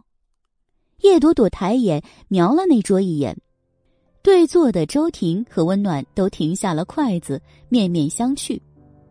刚刚说腰带的那人看见叶朵朵在瞄他，似乎兴致更高了，目光转回，便又对着同桌人说道：“就像琳达那种女人，说白了就是贱，你还当她自己多了不起呢？其实，谁不知道她是陪睡陪出来的名气？男人喜欢你还好，不喜欢你，还不是一脚蹬了？像那个梁什么的，生了几个儿子，不照样拴不住男人的心吗？”你们说对吧？对，就是。有人附和，也有人听着这暗讽的意思太浓，有些害怕，扭头怯怯的看向叶朵朵。不得不说，现在这些人骂人的本事都高明了，当面撕逼那就显得拙劣。现在是借别人骂你，有孩子的事都扯出来了，眼神也是正戳着你，不是骂你，还能骂谁？可你还不能说什么，人家明明说的是娱乐圈的明星，呵呵哒，哑巴吃黄连就是这种。感谢您收听都市言情小说《总裁的恶魔小七》，欢迎收听都市言情小说《总裁的恶魔小七》，作者：初寒，演播。八一六和叶儿不轻，后期制作千雪，由喜马拉雅荣誉出品。第九十八集，叶朵朵夹了一筷子生巴巴的青菜，狠狠的扔在了桌上，正想着是忍了这口气别惹事，还是去以牙还牙的时候，放在白大褂口袋里的手机响了，拿出来一看，是一条彩信，是一张照片。照片上是，细看之下，叶朵朵瞪大了眼睛，全身的血液都好像凝固了一般。她攥紧了手机，凑近了眼睛又看了看，几秒钟的功夫，刚刚凝固的血液又刹那间的沸腾起来，直冲头顶了。虽然照片拍摄的时候光线不太好，图片不是十分的高清，但是只要他没眼瞎，他就能看出来。照片上的人是谁？这两人又在干什么？身材高挑的那个是荣寒生，娇小的是许凌寒，两人正相拥在一起，抱在一起。叶朵朵觉得自己的脑中在蹦出这两个字的时候，就轰的一声炸开了，炸的眼前都是金花乱舞。翻看发件人号码时，他的手都有点抖，连他自己也没想到。看到这样的照片，他会生这么大的气，简直立即就想把某人给活撇了。手抖了两秒，终于翻到了一组号码，不认识。但是会发这种照片给他的，那除了许凌寒，还有谁呢？叶朵朵放了筷子，没有顾忌对坐两人异样探究的目光，也没再管旁边座位上那几个人的冷嘲热讽。他只把目光集中在手机屏幕上，这个是 P.S. 是合成的吗？他电脑水平相当一般，看不出来。从姿势上来看，许凌寒似乎稍显主动，那双手臂紧紧的抱在荣寒生身上，荣寒生的姿势则稍显拘谨，手臂并没有回应，只是脸低着，目光凝视在许凌寒脸上，这目光。可真是专注啊！叶朵朵心里像被泼了一桶醋，酸溜溜的。瞧着画面上的光线，应该是晚上，大晚上的凉亭里还抱着，哼，能干什么好事吗？别说是被冤枉的，一个大男人，人家把你绑去的。荣寒生，你这个混蛋，背着我偷人就算了，偷的还是前女友，你！啪的一声。叶朵朵将自己的手机拍在了桌上，这一拍，对坐的两个直接吓呆了，瞠目结舌的看着他，就连斜对面那桌也都停了筷子，带着看戏的目光看着他。叶主任，周婷怯生生的喊了一声，叶朵朵正在气头上，没好气的睨了他一眼。我没事，吃饭。他甩出一句。然后就捏起了筷子，低了头，和刚才周婷的样子差不多，猛地往嘴里扒了几口饭。周婷看了温暖一眼，吞了吞口水，然后对着满嘴都是米饭的叶朵朵小声的说道：“那个，叶主任，我想说的是，有人来找你了。”嗯，叶朵朵愣了一下，鼓着腮帮子，瞪眼瞧他。周婷没再说话，和温暖两人齐齐抬手，朝着叶朵朵的身后指了一下。叶朵朵缓缓回头，噗嗤一声，满嘴的米饭瞬间喷出了万点繁星。荣寒生设想过 n 种这丫头见到他时惊讶的表情，却没想到这丫头居然用满嘴的饭粒来欢迎他。面对他，真是生活处处有惊喜。刚刚那万点繁星般的米饭粒让他顿步。等那饭粒都落了地，他勾起浅淡无奈的笑，缓步上前。你在搞什么？荣寒生抬手抚去了叶朵朵唇边挂着的一粒米饭，好笑的看着他。温热的指尖抚过来，叶朵朵才勉强回神。你，你怎么来了？人来了就算了，怎么手里还捧着一大捧花？他想干什么？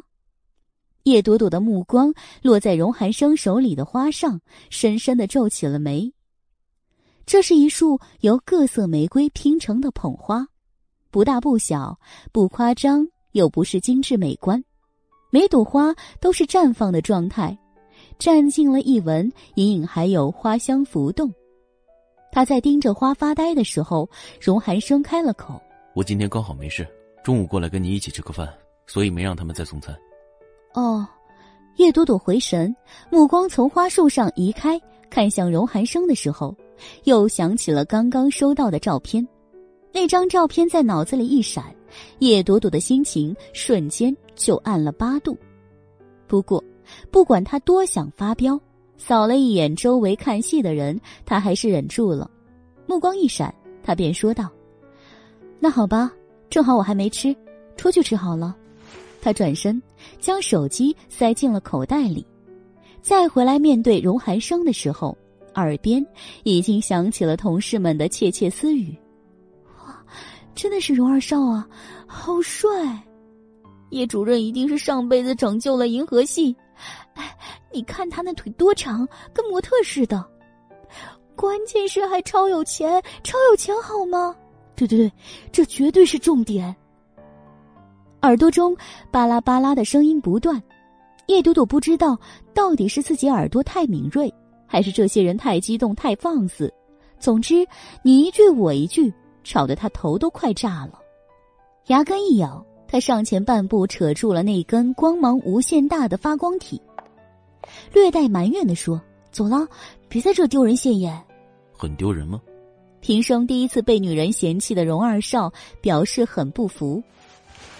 长臂一扬，他索性将叶朵朵给轻揽在了怀中，而后扬起了端起颠倒众生的浅笑，向周婷和温暖说道：“不好意思，打扰你们用餐了，我要带朵朵出去吃，她不能陪你们了，抱歉。”啊啊，不，没关系，对对，没关系，你们赶快走吧。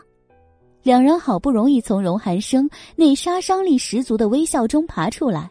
立即语无伦次的说道：“谢谢。”荣寒生礼貌的回应，目光收回，掌心便稍稍用力，揽着叶朵朵往门外走去了。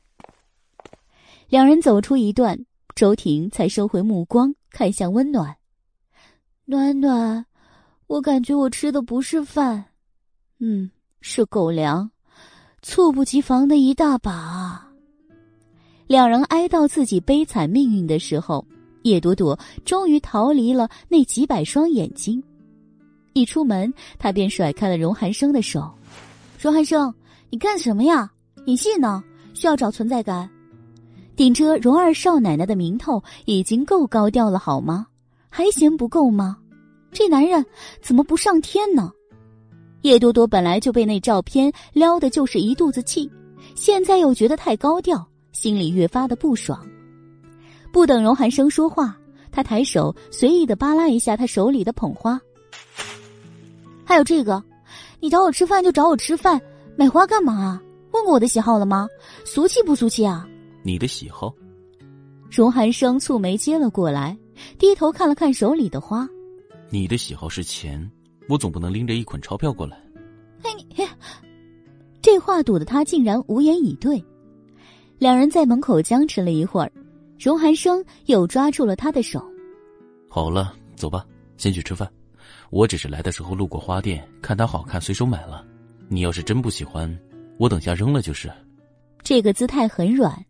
叶朵朵瞄了那无辜的花束一眼，心里的气消了一点。扔什么扔？浪费！他一把抢过花束，抱在了怀里。有了某人特地买的花抱在怀里，叶朵朵突然发现，他心里平衡了一些。离开食堂，钻进车里，他将花好端端的摆在了自己身侧，然后侧着身盯着荣寒生。你看我干什么？荣寒生蹙眉，看着眼前这个盯他如盯贼的女人。荣寒生，你老实交代，最近有没有干对不起我的事？叶朵朵突然伸手戳着他的鼻尖问道。荣寒生一愣，面色微微不解，不懂你什么意思。四目相对，叶朵朵微微皱了眉。荣寒生这样子看起来很无辜，好像心里真的没有鬼一样。所以，那张照片真的有可能是合成的，故意来刺激他的。这念头在心里九曲十八弯的转了一圈之后，他将手收了回来。没什么，我随便问问。他坐正，靠到了后座上，随手脱了白大褂拿在手上，然后又从里面掏出来了手机。荣寒生以为他要打电话，却只见他捏着手机。捣鼓了一会儿，捣完了，他就把手机给塞进了口袋里。我知道有家餐厅不错，中午去那儿吃好不好？叶朵朵塞好了手机，就来问荣寒生：“你决定。”荣寒生其实已经订好了餐厅，但见他自己有了主见，也就依了他，没提自己订餐的事情。叶朵朵随即将地址告诉了开车的伊森，然后扭过头来看向荣寒生。你今天这么闲吗？专程跑来跟我吃饭？工作之余调剂一下心情。荣寒生随意的回答，伸手捏起了他的手，放在掌心里把玩。你反应怎么那么大？真的嫌我丢人？讲真，他心里有点不是滋味儿。怎么感觉这丫头好像巴不得把他藏起来，不能见人似的？她有那么差吗？叶朵朵没抽回自己的手，挑眉睨着他。眼见他脸上那点掩饰不住的委屈，轻哼了一声：“哼，我哪是怕你丢人，我分明是怕你光芒太刺眼，闪瞎了一众小伙伴，多不好。”他撇着嘴，一副傲娇的样子。荣寒生看着他一会儿，笑了笑：“所以你的意思是，我应该多来几趟，让他们的眼睛适应适应？”我是这个意思。我想应该是的。荣寒生很肯定的看了叶朵朵一眼，没再继续这个话题。话锋一转，说道：“那家餐厅的饭菜怎么样？合你的胃口吗？”“勉强吧。”天天送餐的那家，严格的说是非常符合他的胃口。只不过他今天心情不太爽，只能说个勉强。荣寒生侧眼看着他，察觉出他这别扭的情绪，有点不对劲儿。又想起刚上车时他那句奇奇怪怪的质问，便觉得这丫头心里一定藏着事儿。什么事儿呢？不好揣测。不过大概他最终还是会说出来的。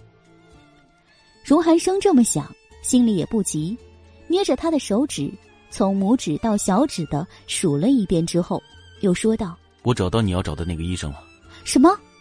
叶朵朵惊了一下。情绪的关注点立即从许凌寒的照片上挪到了这里来，他瞪大了眼睛，有点不敢相信的看着荣寒生。毕竟，从他把这件事托付给他的时候算起，到现在还不到一个月。从叶朵朵这惊讶的表情里，荣寒生那刚被打击的自信和骄傲又回来了。不要用这种眼神看着我，更不要把我的能力和原木相提并论。你别这么说嘛，袁师兄他只是医疗专家，当然不能跟你比。叶朵朵嘟囔：“他这番维护又让荣寒生心里吃味。”他轻声压了过来，薄唇凑到了叶朵朵的脸颊边，轻轻贴着，双眸浅眯道：“叶朵朵，他可是差点害死你老公的凶手，你这么袒护不太好吧？”我哪有袒护他？再说，荣寒生，这事儿都过去了，你能大度点吗？不能。荣寒生果断的说道，抬手扣住了叶朵朵的后脑勺，将她的脸转过来，面对她。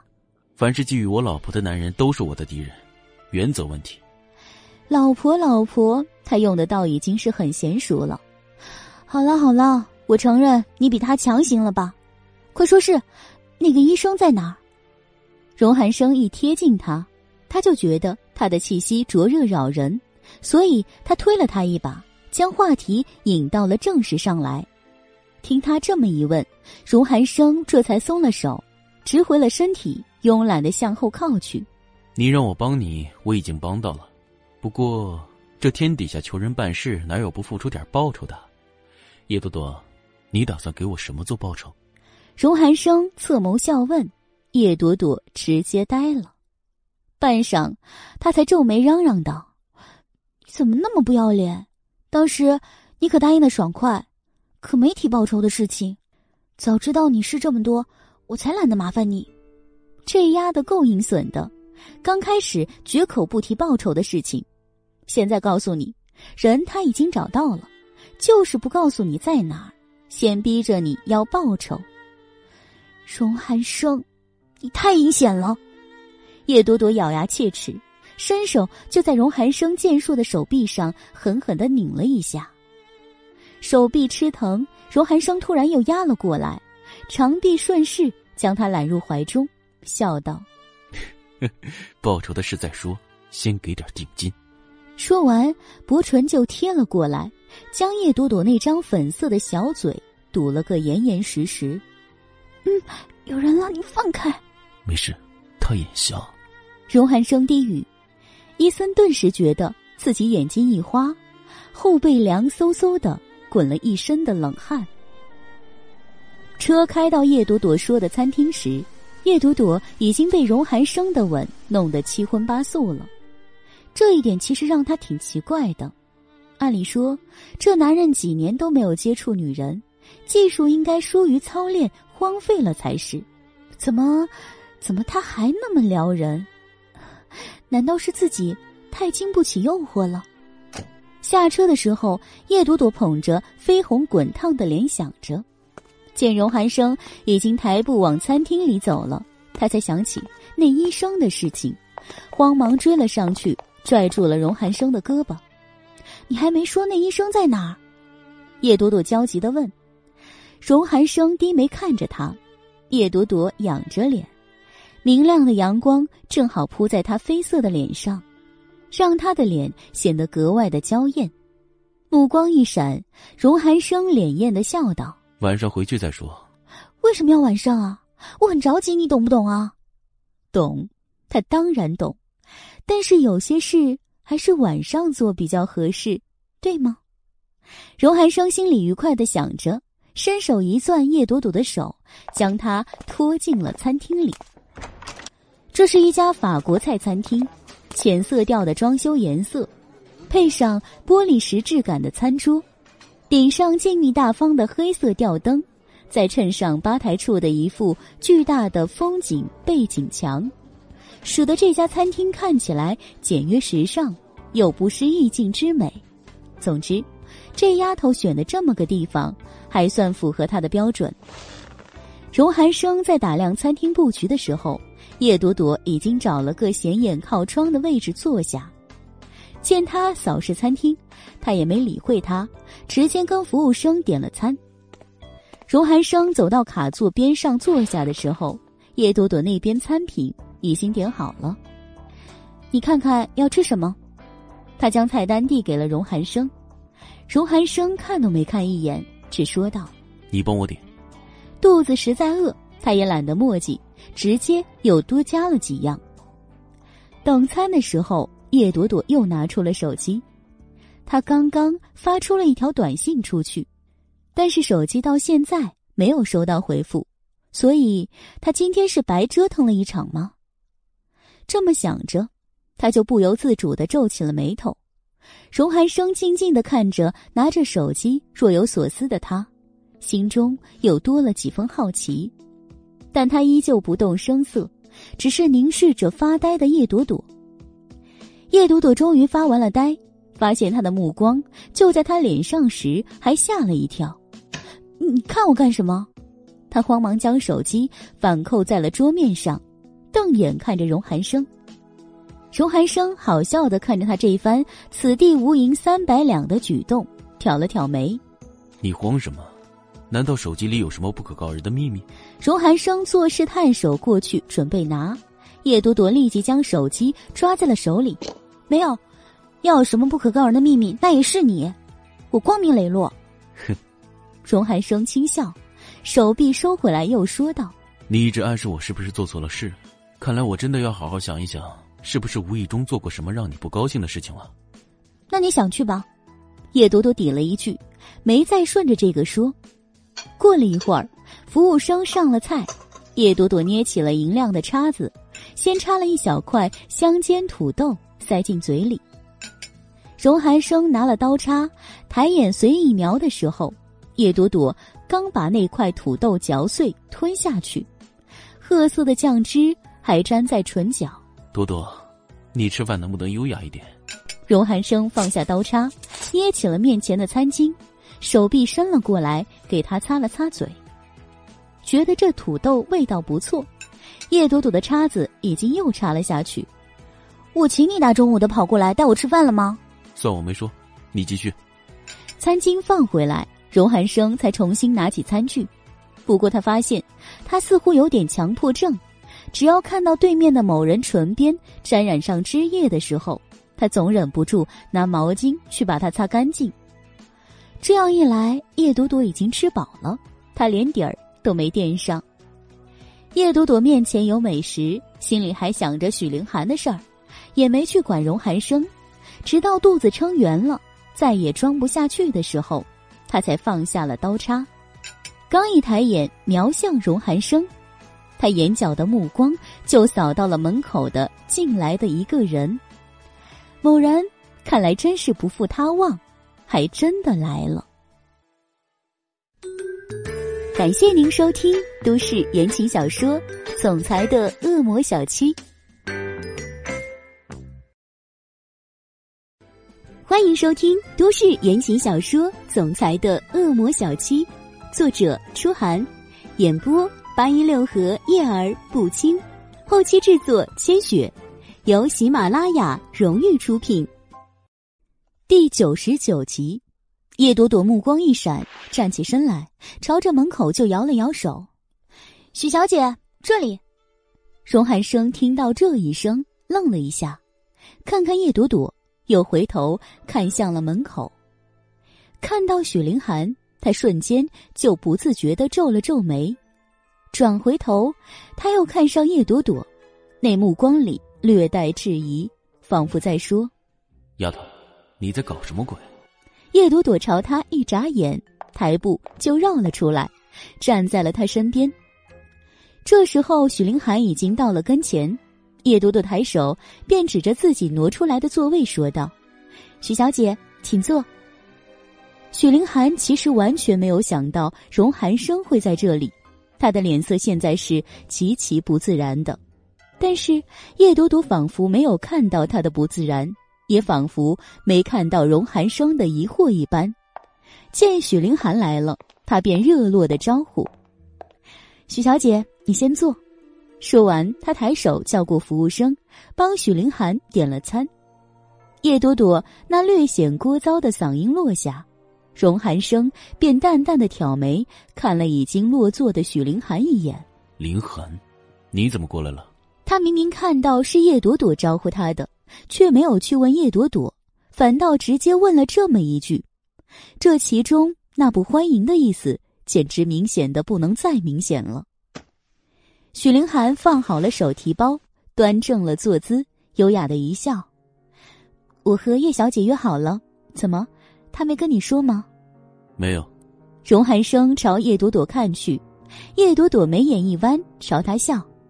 其实也不是很早就约好的啦，就是我在食堂吃饭的时候啊，谁知道你会来找我，还不都怪你，非要跑来给我一个惊喜，要不然我怎么会约别人呢？这么说着，他就朝他那边靠了过去，双手抱住了他的手臂，脑袋也依了过去，靠在他的肩膀上。老公，你不会因为这个跟我生气吧？再说了，许小姐又不是外人。她可是你未来的嫂子哦，哦对了，好像我也应该叫她嫂子。叶朵朵一张笑脸转向许凌寒，眉眼弯成新月状，甜甜的叫了一声“嫂子”。这一声“嫂子”，像一柄利剑的刀刃，直接挑了许凌寒心里最敏感的神经。媳妇儿变嫂子，哼，对于一个心里还有爱的女人来说。这可真是世界上最凄惨的事情。脸上的血色点点的褪去，他盯着叶朵朵看了一会儿，将目光转向荣寒生。是啊，你们现在确实应该叫我嫂子。他嘴上这么说，目光却带着几分幽怨。荣寒生的目光跟这两道幽怨的目光一碰，瞬间就转向了叶朵朵。叶朵朵却没看他一眼，又朝着许凌寒说道：“嫂子，你最近很忙吗？怎么看你气色都变差了？是不是生病了？有病就得治呀，千万别拖着。”我挺好的。许凌寒忽略了叶朵朵这话里的讽刺味道，盯着荣寒生，话锋一转：“寒生，你打算什么时候回家？伯父伯母现在的气已经消了。”他们可盼着你带子熙回去呢。再说吧。荣寒生回应的浅淡，侧脸微微嗔怪的看着叶朵朵。我还没吃饭，你这么抱着我，我怎么吃饭？吃饭啊！叶朵朵目光一转，手臂松开的同时，抢过了荣寒生手里的刀叉。我喂你好了。呃，这丫头，弄这么一出，是专门秀恩爱，来刺激对面的人吗？可她为什么要这样呢？荣寒生心里疑惑。叶朵朵随手就端起了他先前已经切好的牛排，用叉子插了一小块递给他。没多犹豫，荣寒生张了嘴吃了下去。哼，乖了。叶朵朵笑着，灿烂调皮如早春的一缕阳光。虽然这丫头诡异的行径让他心里发毛，但是荣寒生觉得。这种在叶朵朵这种不服管教的女人面前，这种皇帝待遇不常有，所以他还是很配合，很甘之如饴的吃下了他未来的任何东西，好不好吃？嗯，我也觉得这家店的味道不错。那不如你以后中午都过来找我，带我来这里吃好不好？好。哦，路程有点远，好像不合适。没关系，你喜欢就好。嗯，是吗？老公，你真好。放下盘子，叶朵朵的上半身就趴了过去，热辣辣的对着荣寒生的侧脸亲了一下。这一吻落下，周围的空气似乎都凝滞了。一直呆坐在对面看着他们秀恩爱的许凌寒，原本自然放置在桌上的双手悄悄的滑了下来，在桌下紧紧攥成了拳，指尖儿。都嵌进了掌心里，企图用那种疼来压制内心愤怒的火苗，而被亲的荣寒生心里则隐隐的生出了一丝不祥的预感，事有反常即为妖。这丫头今天这腰作的这么大，一定是受了什么刺激。眼下她针对的是对面的人，等一下对面那个收拾完了，他的矛头会指向谁？荣寒生打了个冷静，脑子飞速运转起来。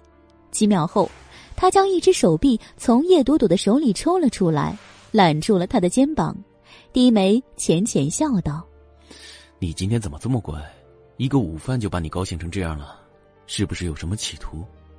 他的脸低低的压下来，薄唇几乎快要碰到叶朵朵的鼻尖儿，暧昧的凝视她。叶朵朵一笑，微微后仰，嗔道。你正经点了，嫂子可在对面看着呢。叶朵朵故意娇嗔的扭了一下，人没有离开荣寒生的臂弯，脸扭向了许凌寒。嫂子，让你见笑了。寒生他就是这个样子，粘人。这话说的，叶朵朵自己都觉得五脏翻腾的感觉。不过，很显然，这话的刺激性效果还是有的。他朝着许凌寒眨眼睛的时候，许凌寒那脸都快绿了。叶朵朵的目光飘回来，闪烁的金光闪到荣寒生脸上的时候，荣寒生笑了笑：“好了，别淘气了。你下午不是还有班吗？吃饱了就赶紧回去。”那怎么行？嫂子还在这里呢，别这样，我们自己有事也要顾着嫂子呀。她可连饭都没吃上呢。叶朵朵嘴里现在已经没有了许凌寒这三个字，一口一个嫂子的，十足的戳心窝。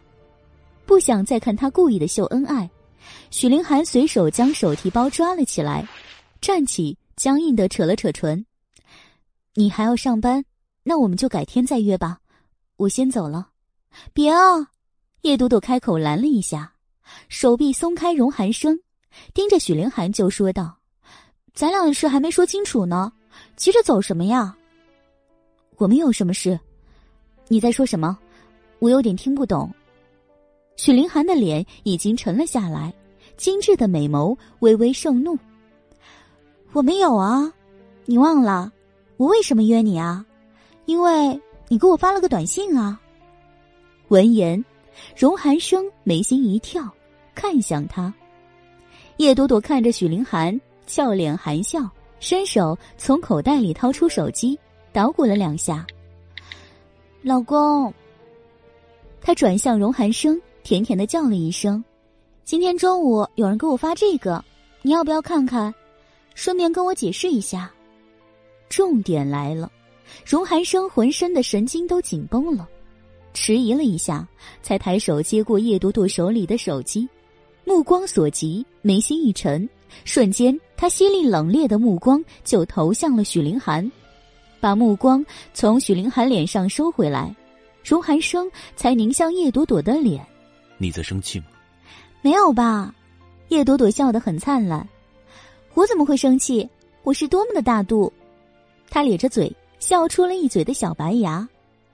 荣寒生笑笑，将手机放在桌上，单手捧住了她的脸颊。生气是应该的，换了有人抱你，我也恨不得废了那个人。不过，老婆大人，我确实犯了错，不应该向你道歉。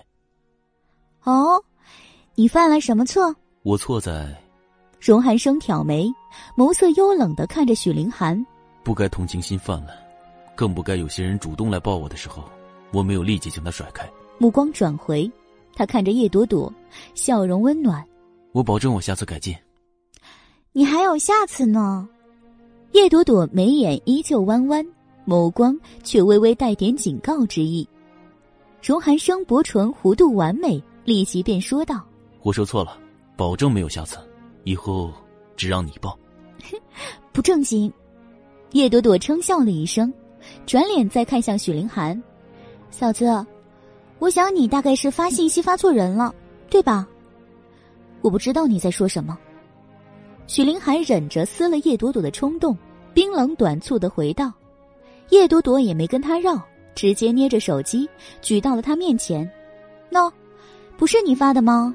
不是。”许凌寒果断回答，目光又瞟了一眼：“这个号码不是我的，你不要栽赃。”我栽赃？叶朵朵松开荣寒生，站了起来，走到了许凌寒身边，身体微微倾向他，卷翘的长睫调皮的扑闪着。那我给这个号码发信息，约他到这里来谈事，你怎么来了？我，我只是碰巧到这里的。许凌寒现在恨透了叶朵朵这种凡事都敢挑在明面上说的行事作风，若不是荣寒生在旁。他想，他现在一定会忍不住气，直接甩这个女人一巴掌。目光含怒，狠狠的剜了叶朵朵一眼后，他又看向荣寒生。寒生，我还有事先走了。凌寒，许凌寒抬步的时候，荣寒生开口喊了一声，随后，他看向叶朵朵，朝她伸了手。朵朵，叶朵朵抬手将手放在了他的手心里。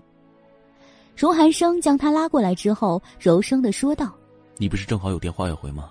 先去回个电话，我跟林寒说几句就来。”一听他还要跟许凌寒单独说话，叶朵朵有些不高兴。她小脸一拉，荣寒生就抬手拍了拍他的脸：“乖了，听话。”他的语气虽然很温柔，但是目光里却带了几分严肃。叶朵朵犹豫了一下，回头看了看许凌寒。他才又笑了笑，好，我去打电话，你快点。放心。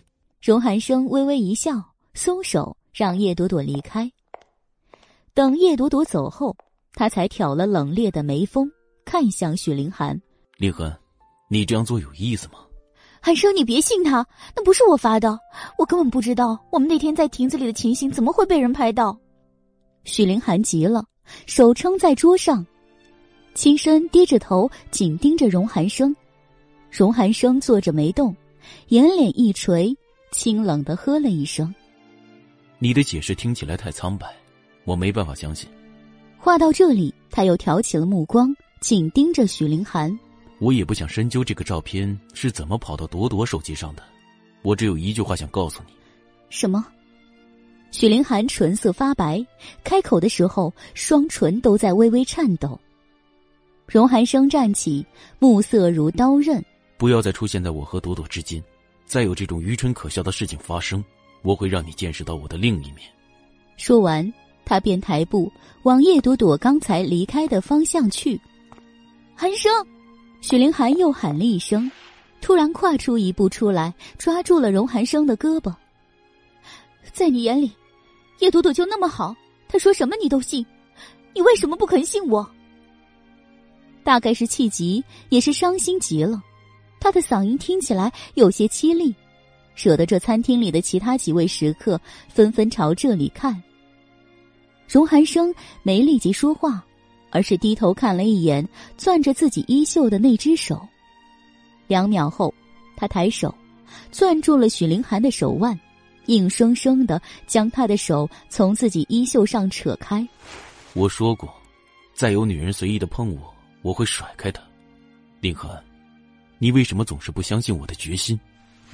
他讥诮的勾唇，手臂突然一扬，甩开了那只手，没再看跌坐在桌角边的许凌寒，他甩开大步离开了餐厅。出了门，叶朵朵正在门口。怎么，悄悄话都说完了，这么快就出来了？没再给你来个拥抱什么的？叶朵朵朝门里看了一眼。小脸依旧带着笑，但是那笑很冷，满满的都是讥讽。荣寒生皱眉，伸手去拉他，却被他躲开。别别碰我，离我远点！叶朵朵的脸是彻底的沉了下来。见状，荣寒生便知这是秋后算账的时候了。朵朵，听我说。他执拗的抓住了叶朵朵的手。我刚才的话都是真的。那天。我妈让我回家商量她和大哥的事情，她说有事跟我说，我就去了一下，没想到他会主动抱我一下。多多，你该知道，我要是对他有什么心思，也不会跟他退婚。哼，这么说你还后悔了？叶朵朵反问。荣寒生怔了一下，沉脸说道：“你不要曲解我的意思，我只是……你只是什么？反正我眼睛看到的就是这样。你敢说你没有抱他？嗯？”这一点，其实仔细想想，叶朵朵也觉得她自己有点不可理喻。其实，她相信荣寒生不会跟许凌寒有什么偷偷摸摸的事情，只不过乍一看他被许凌寒那么紧紧的抱着，他心里就是很不爽。嗯，那种感觉就好像自己喜欢的蛋糕被别人突然啃了一口，蛋糕当然没错，但是他还是很不高兴。叶朵朵仰着小脸，大眼扑闪着晶亮执拗的光芒。荣寒生盯着他看了一会儿，琢磨着他这句话，最终才将他这怒气完全品出味道来。说是怒气，其实也是醋意。这丫头也学会吃醋了，真是个好现象。眼中掠出一丝笑意。他毫无预警的就低了头，狠狠的吻住了叶朵朵的小嘴。餐厅门口、马路边，他就这么大大咧咧的吻了她，作死吗？叶朵朵倏地瞪眼，抬手就推开了荣寒生。浅浅一吻终了，荣寒生松开了一些，双臂依旧圈着他的腰，低眉浅笑道：“我错了，我不该让别人抱我。那么，我给你补偿好不好？”你的补偿就是在这光天化日之下发情？当然不是。再说发情也不能发在这里，家里更合适。荣寒生一笑，叶朵朵气得无语，又只能拿白眼瞪他。两人在门口僵持了几秒，荣寒生才终于松开他，拉着他向停在路边的车走过去。他们走出去一段，许凌寒才从餐厅大门边转了出来。刚刚那一幕。已经尽收他的眼底，他从不知道，个性清冷如荣寒生能笑得这么自然，这么温暖。曾几何时，他也盼望着这个男人能对他有这样的表情，然而他一直没等到，反倒还让另一个女人捷足先登了。嫉妒吗？不，已经不是嫉妒了，他恨。恨那个能让荣寒生发自肺腑笑出来的女人。钻进车里，叶朵朵甩了两下，终于甩开了荣寒生的手，送我回医院。你爱干嘛干嘛，别来烦我了。叶朵朵一句气冲冲的话，让前座的伊森愣了一下。刚刚不还是好好的吗？这又唱的哪出？他回头看看，就见他家老大正对着旁边生气的女人陪笑脸。那你还会不会继续跟我生气？我生气了吗？哼，我哪敢啊！我明明非常的温柔啊。叶朵朵下巴一挑，傲娇样十足。荣寒生侧身对着他，薄唇浅漾。那你是吃醋了？做梦！叶朵朵那小心肝扑通了一下，而后掩饰好情绪，瞪了他一眼，懒得再搭理他。车到了医院。叶朵朵下车时，荣寒生说了一句：“晚上来接她。”叶朵朵听见了，装没听见，小腰一扭，就钻进了大楼里。望着某个气性比天大的女人，荣寒生也是摇头苦笑。瞧他现在这个样子，看来晚上还得下番功夫哄哄才行。要不要请儿子帮忙？他想着这个问题，决定下午早点回家。感谢您收听都市言情小说《总裁的恶魔小七》，欢迎收听都市言情小说《总裁的恶魔小七》，作者：初寒，演播：八一六和叶儿不轻，后期制作：千雪，由喜马拉雅荣誉出品。第一百集，这边叶朵朵刚到办公室。就被院长叫去了院长室。小叶，来坐。院长今天和善的有些不太正常，脸上那笑比平时灿烂了无数个百分点。院长，您找我有什么事？叶朵朵坐下，看着院长。院长笑道：“刚刚莫总给我来电话了，说你的治疗非常的有效果，他现在已经好很多了，正在听取你的建议，配合心理医生的，相信不用多久。”病情就能有根本性的转变。原来是莫西阳，叶朵朵心里审了一声，淡笑道：“院长，莫总他过奖了。心理医生不是我建议的，他本来就在看，这个功劳我可不敢当。”小叶，你也不要谦虚。院长依旧笑容灿烂。人家莫总既然这么说了，肯定是十分认可你的。别的不说，他说他头疼的毛病好了很多，这总是你的功劳，你不用谦虚。院长一个劲儿的给他戴高帽子，叶朵朵不好意思再说什么，只能微微一笑带过。沉默了几秒，院长又道：“哦，对了，莫总刚刚还说，他捐赠医院的器械已经运抵滨海了，过几天就能送到医院。另外啊，他这次还特别为你们科室多添了两台目前最先进的核磁共振仪。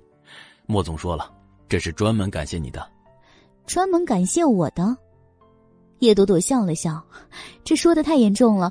我只是尽了我的职责，谈不上什么功劳。你不要老这样说嘛。见他总是推脱，院长似乎有些不太高兴。对于他这样的来说，健康比钱重要。他觉得你的功劳大，你的功劳就大。再说了，他之前确实看过不少名医，也没什么效果，这足以证明你确实比那些人强。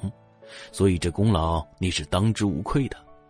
说到这里，院长停了一下，语气缓了缓，又道：“莫总在电话里说了，说他本想请你吃顿饭，聊表一下谢意，但是你很难请，所以他只能给你们科室单独捐了两台设备表示感谢。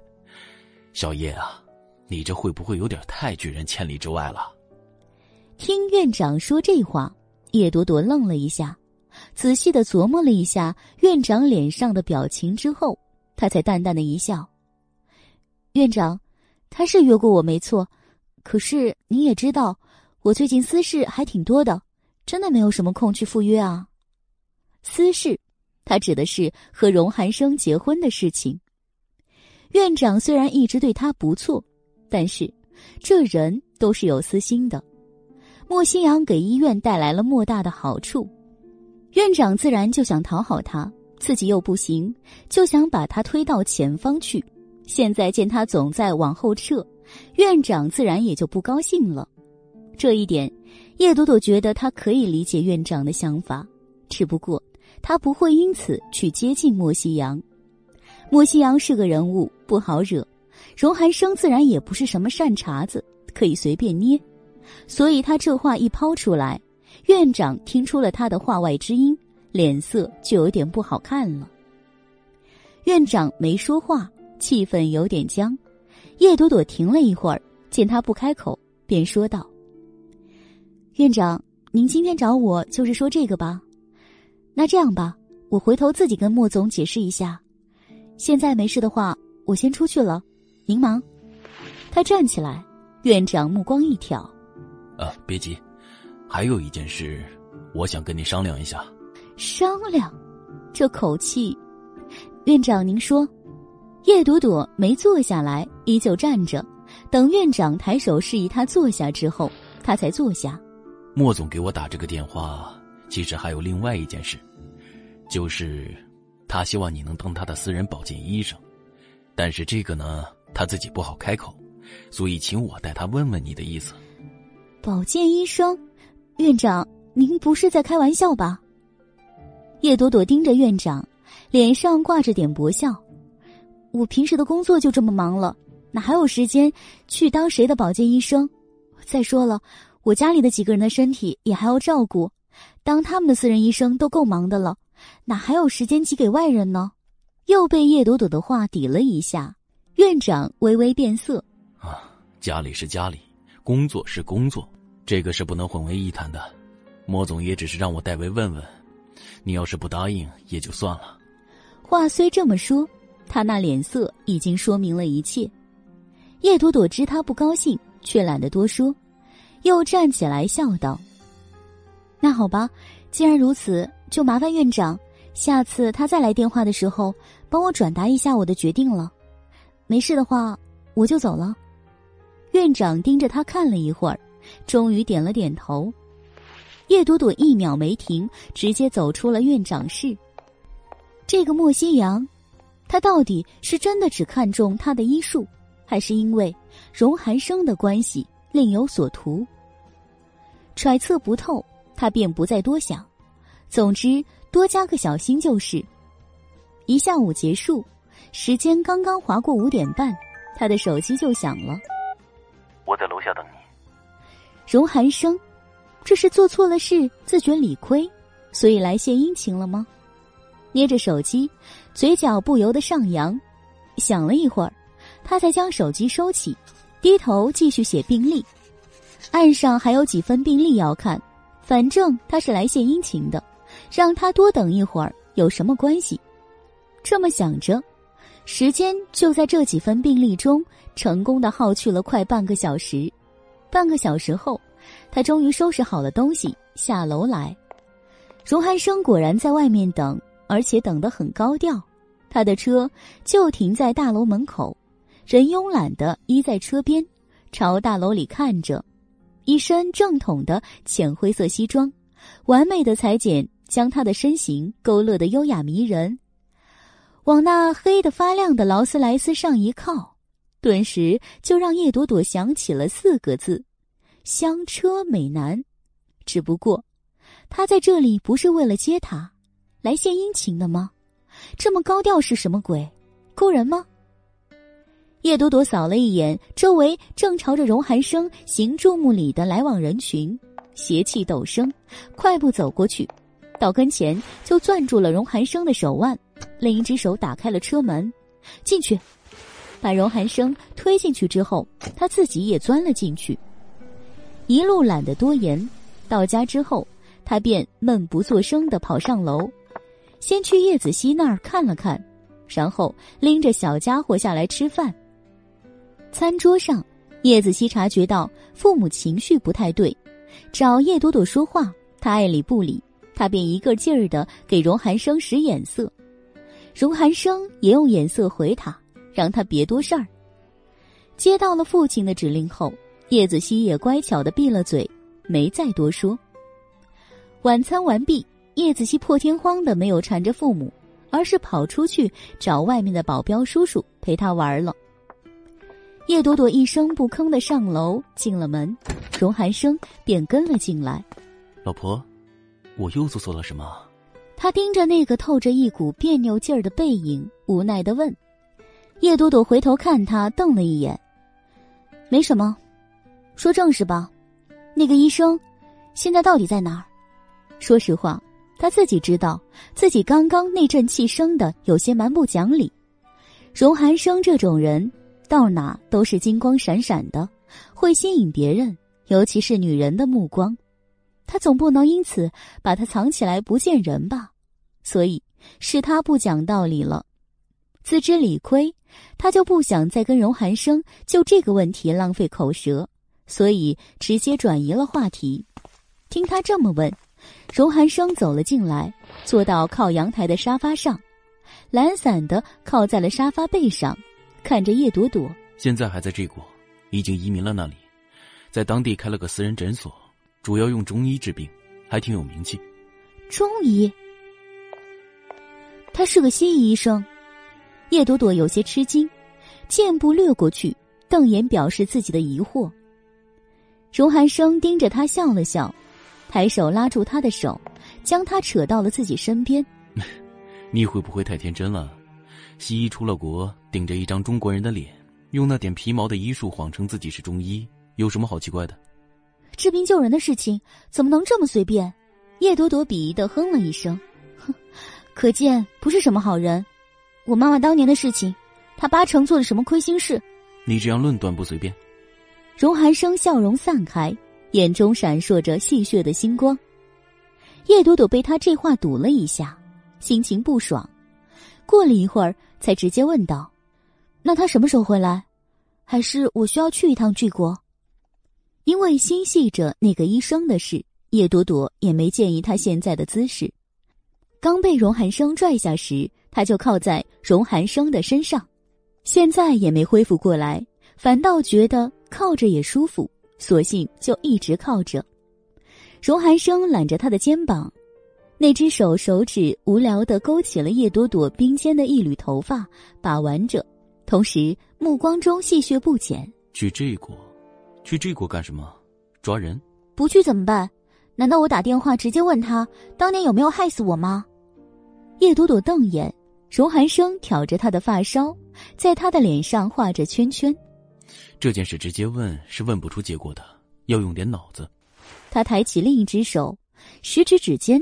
戳了戳叶朵朵的脑袋，你想啊，当年如果他真的做了什么黑心的事，你现在去逼问他，他能告诉你实情，那不是不打自招吗？法律上有二十年的追诉期，现在还差一点，他等你问出结果来，把他告上法庭，坐吃一辈子牢饭。这话分析的靠谱。叶朵朵揉揉被他戳的地方，皱起了眉。他抬眼睨着他，没有说话。荣寒生看着他的小脸，笑笑。这件事你手上一点蛛丝马迹都没有，所有的都是你的猜测。他说什么你都没法判断真伪。这种情况下，我们太被动，问出真话的可能性基本等于零。那怎么办？这事已经过去这么多年了，哪还能去挖到证据？荣寒生薄唇勾着完美的弧度，目光凝视着他一会儿，忽而眼中闪过一丝意味复杂的幽光。这位蔡医生还有个母亲，移民的时候是跟儿子一起移民的，不过前年又回国定居了，大概是年纪大了，总想着归根落叶。即便唯一的儿子都不在身边，他还是选择回国生活。不过，因为独居不方便，他现在住在一个疗养院里，就在滨海。啊！荣寒生透露的消息让叶朵朵很震惊。这样一个并不难查出的消息，为何袁师兄为什么没有告诉我？哼！荣寒生讥诮的冷笑一声，目光闪闪，便说道：“不是能力不济，真不知道，那就是他在故意拖延时间。”这样他就有借口随时来骚扰你了。别说这么难听。叶朵朵觉得荣寒生说的有道理，心里有点不舒服。荣寒生松开他的那缕头发，掌心上移，指尖扯了扯他的耳朵。难不难听，这都是事实。叶朵朵，你真以为你这个师兄多么光明磊落？知道他对原木总有意见。叶朵朵懒得将这样的话题发散下去，便随手挥开了他那只扯着自己耳朵的手，说道：“好了，我承认他确实不如你，行了吧？你比他强，比他帅，比他有钱，比他……总之，你光芒万丈，没人能比，可以了吗，荣二少？”他仰头，目光讥诮的盯着荣寒生，荣寒生也不理会他的讥讽，一低头，薄唇压下来，便道。我是不是比他帅、比他强、比他有钱？这些你记不记得都无所谓，你只要记住，我是你老公就行了。说着，那魅惑的唇就压了过来，粉唇被堵，叶朵朵瞬间蹙眉，推开了一些。嗯嗯，蔡医生的事还没说完，还有什么好说的？荣寒生满脸都是欲求不满的怨气，叶朵朵调整了一下姿势，瞪眼瞧他。你知道了这些。那下一步怎么做啊？没下文了？当然不是，不过接下来的事情你暂时不用操心，到时候我会告诉你。现在，老婆，你是不是该履行你的义务了？我有什么义务？你说呢？荣寒生笑得暧昧，叶朵朵被他那暗示意味十足的目光一挑，头皮都发麻。荣寒生，你想得美！咱们今天事情还没有完呢，你别忘了你。我没忘啊。我犯了错误，这不是来补偿你了吗？荣寒生言之凿凿，叶朵朵眉毛拧成了麻花。你这是补偿我吗？你分明是想占我便宜。不，朵朵，我是诚心的要补偿你的肉偿。最后两个字轻飘的吐出时，那吻就不管不顾的亲了过来。叶朵朵受姿势限制，完全逃不开，没一会儿便被这个吻。折腾了个七荤八素，这还不算，扰乱了他的思想之后，这男人居然将他抱了起来，钻进了浴室，强迫他一起洗了个鸳鸯浴。接下来便是一路缠绵，从浴室一直纠缠到床上。仔细算下来，荣寒生确实很久没有碰他了，从 Z 市回来，这是他们的第一次，所以最后所谓的补偿他。就变成了补偿他自己，那贪婪的药法让叶朵朵都想在半途提醒他适可而止，别把自己折腾出毛病出来。但是当然，他的提醒没有任何作用，不只是提醒没效果，就连反抗也没效果。这一晚，荣寒生是带着报复的心态在他身上疯狂索取的，指尖痴缠与他温软的肌肤时。荣寒生觉得，六年前被这个小丫头害得碰不了女人，似乎也不是什么特别苦逼的事情。用六年的禁欲，换取后面一生的跟他痴缠，嗯，似乎是个划算的买卖。夜色静谧，灯影朦胧，身下的女人时嗔时娇，在他的引领之下，将她的娇态完美的展现在了他的面前。他香软的气息时刻挑动着他的神经，让他一刻都不想松开他。此刻，他像极了他最喜欢的一款甜点，不管怎么吃都吃不够。一夜甜蜜，两人都昏昏沉睡过去的时候，已经是下半夜了。累了一夜，两人都睡到了日上三竿的时候。醒来时，墙上的挂钟提醒叶朵朵已经快十点了，真是要命了，妥妥的迟到了。想想都怨某人。他醒了之后就想把某人给推醒，可那手伸出去的时候，他又改变了主意，还是算了吧。这家伙现在无赖成性，现在自己都还是一丝不挂的状态，这么弄醒他，说不定还会在床上厮磨时间。毕竟他可是欲求不满了六年，哪能一两个晚上就能吃饱了？他还是早点逃吧。叶朵朵想着，慌忙掀开被子下床，双脚沾地的时候，他的腿就是一软，身上的酸痛感明显，惹得他忍不住又瞪了床上正睡得一脸满足的某人一眼。站稳后，他又缓步去了衣柜那边。昨晚被他从浴室抱出来的时候，他就是什么都没穿，现在只能到衣柜这里取衣服。穿了衣服，洗漱完毕之后，他才开门出了卧室。先去叶子熙的房间瞄一眼，没看到人，他才下楼。走到楼下，看见叶子熙正坐在餐桌边啃东西，他就走了过去。妈咪，叶子熙一见到他，便兴高采烈的叫了一声。叶朵朵看了一眼他的早餐，随手拖了张椅子坐在了他的身边。你怎么现在才吃饭？也刚起。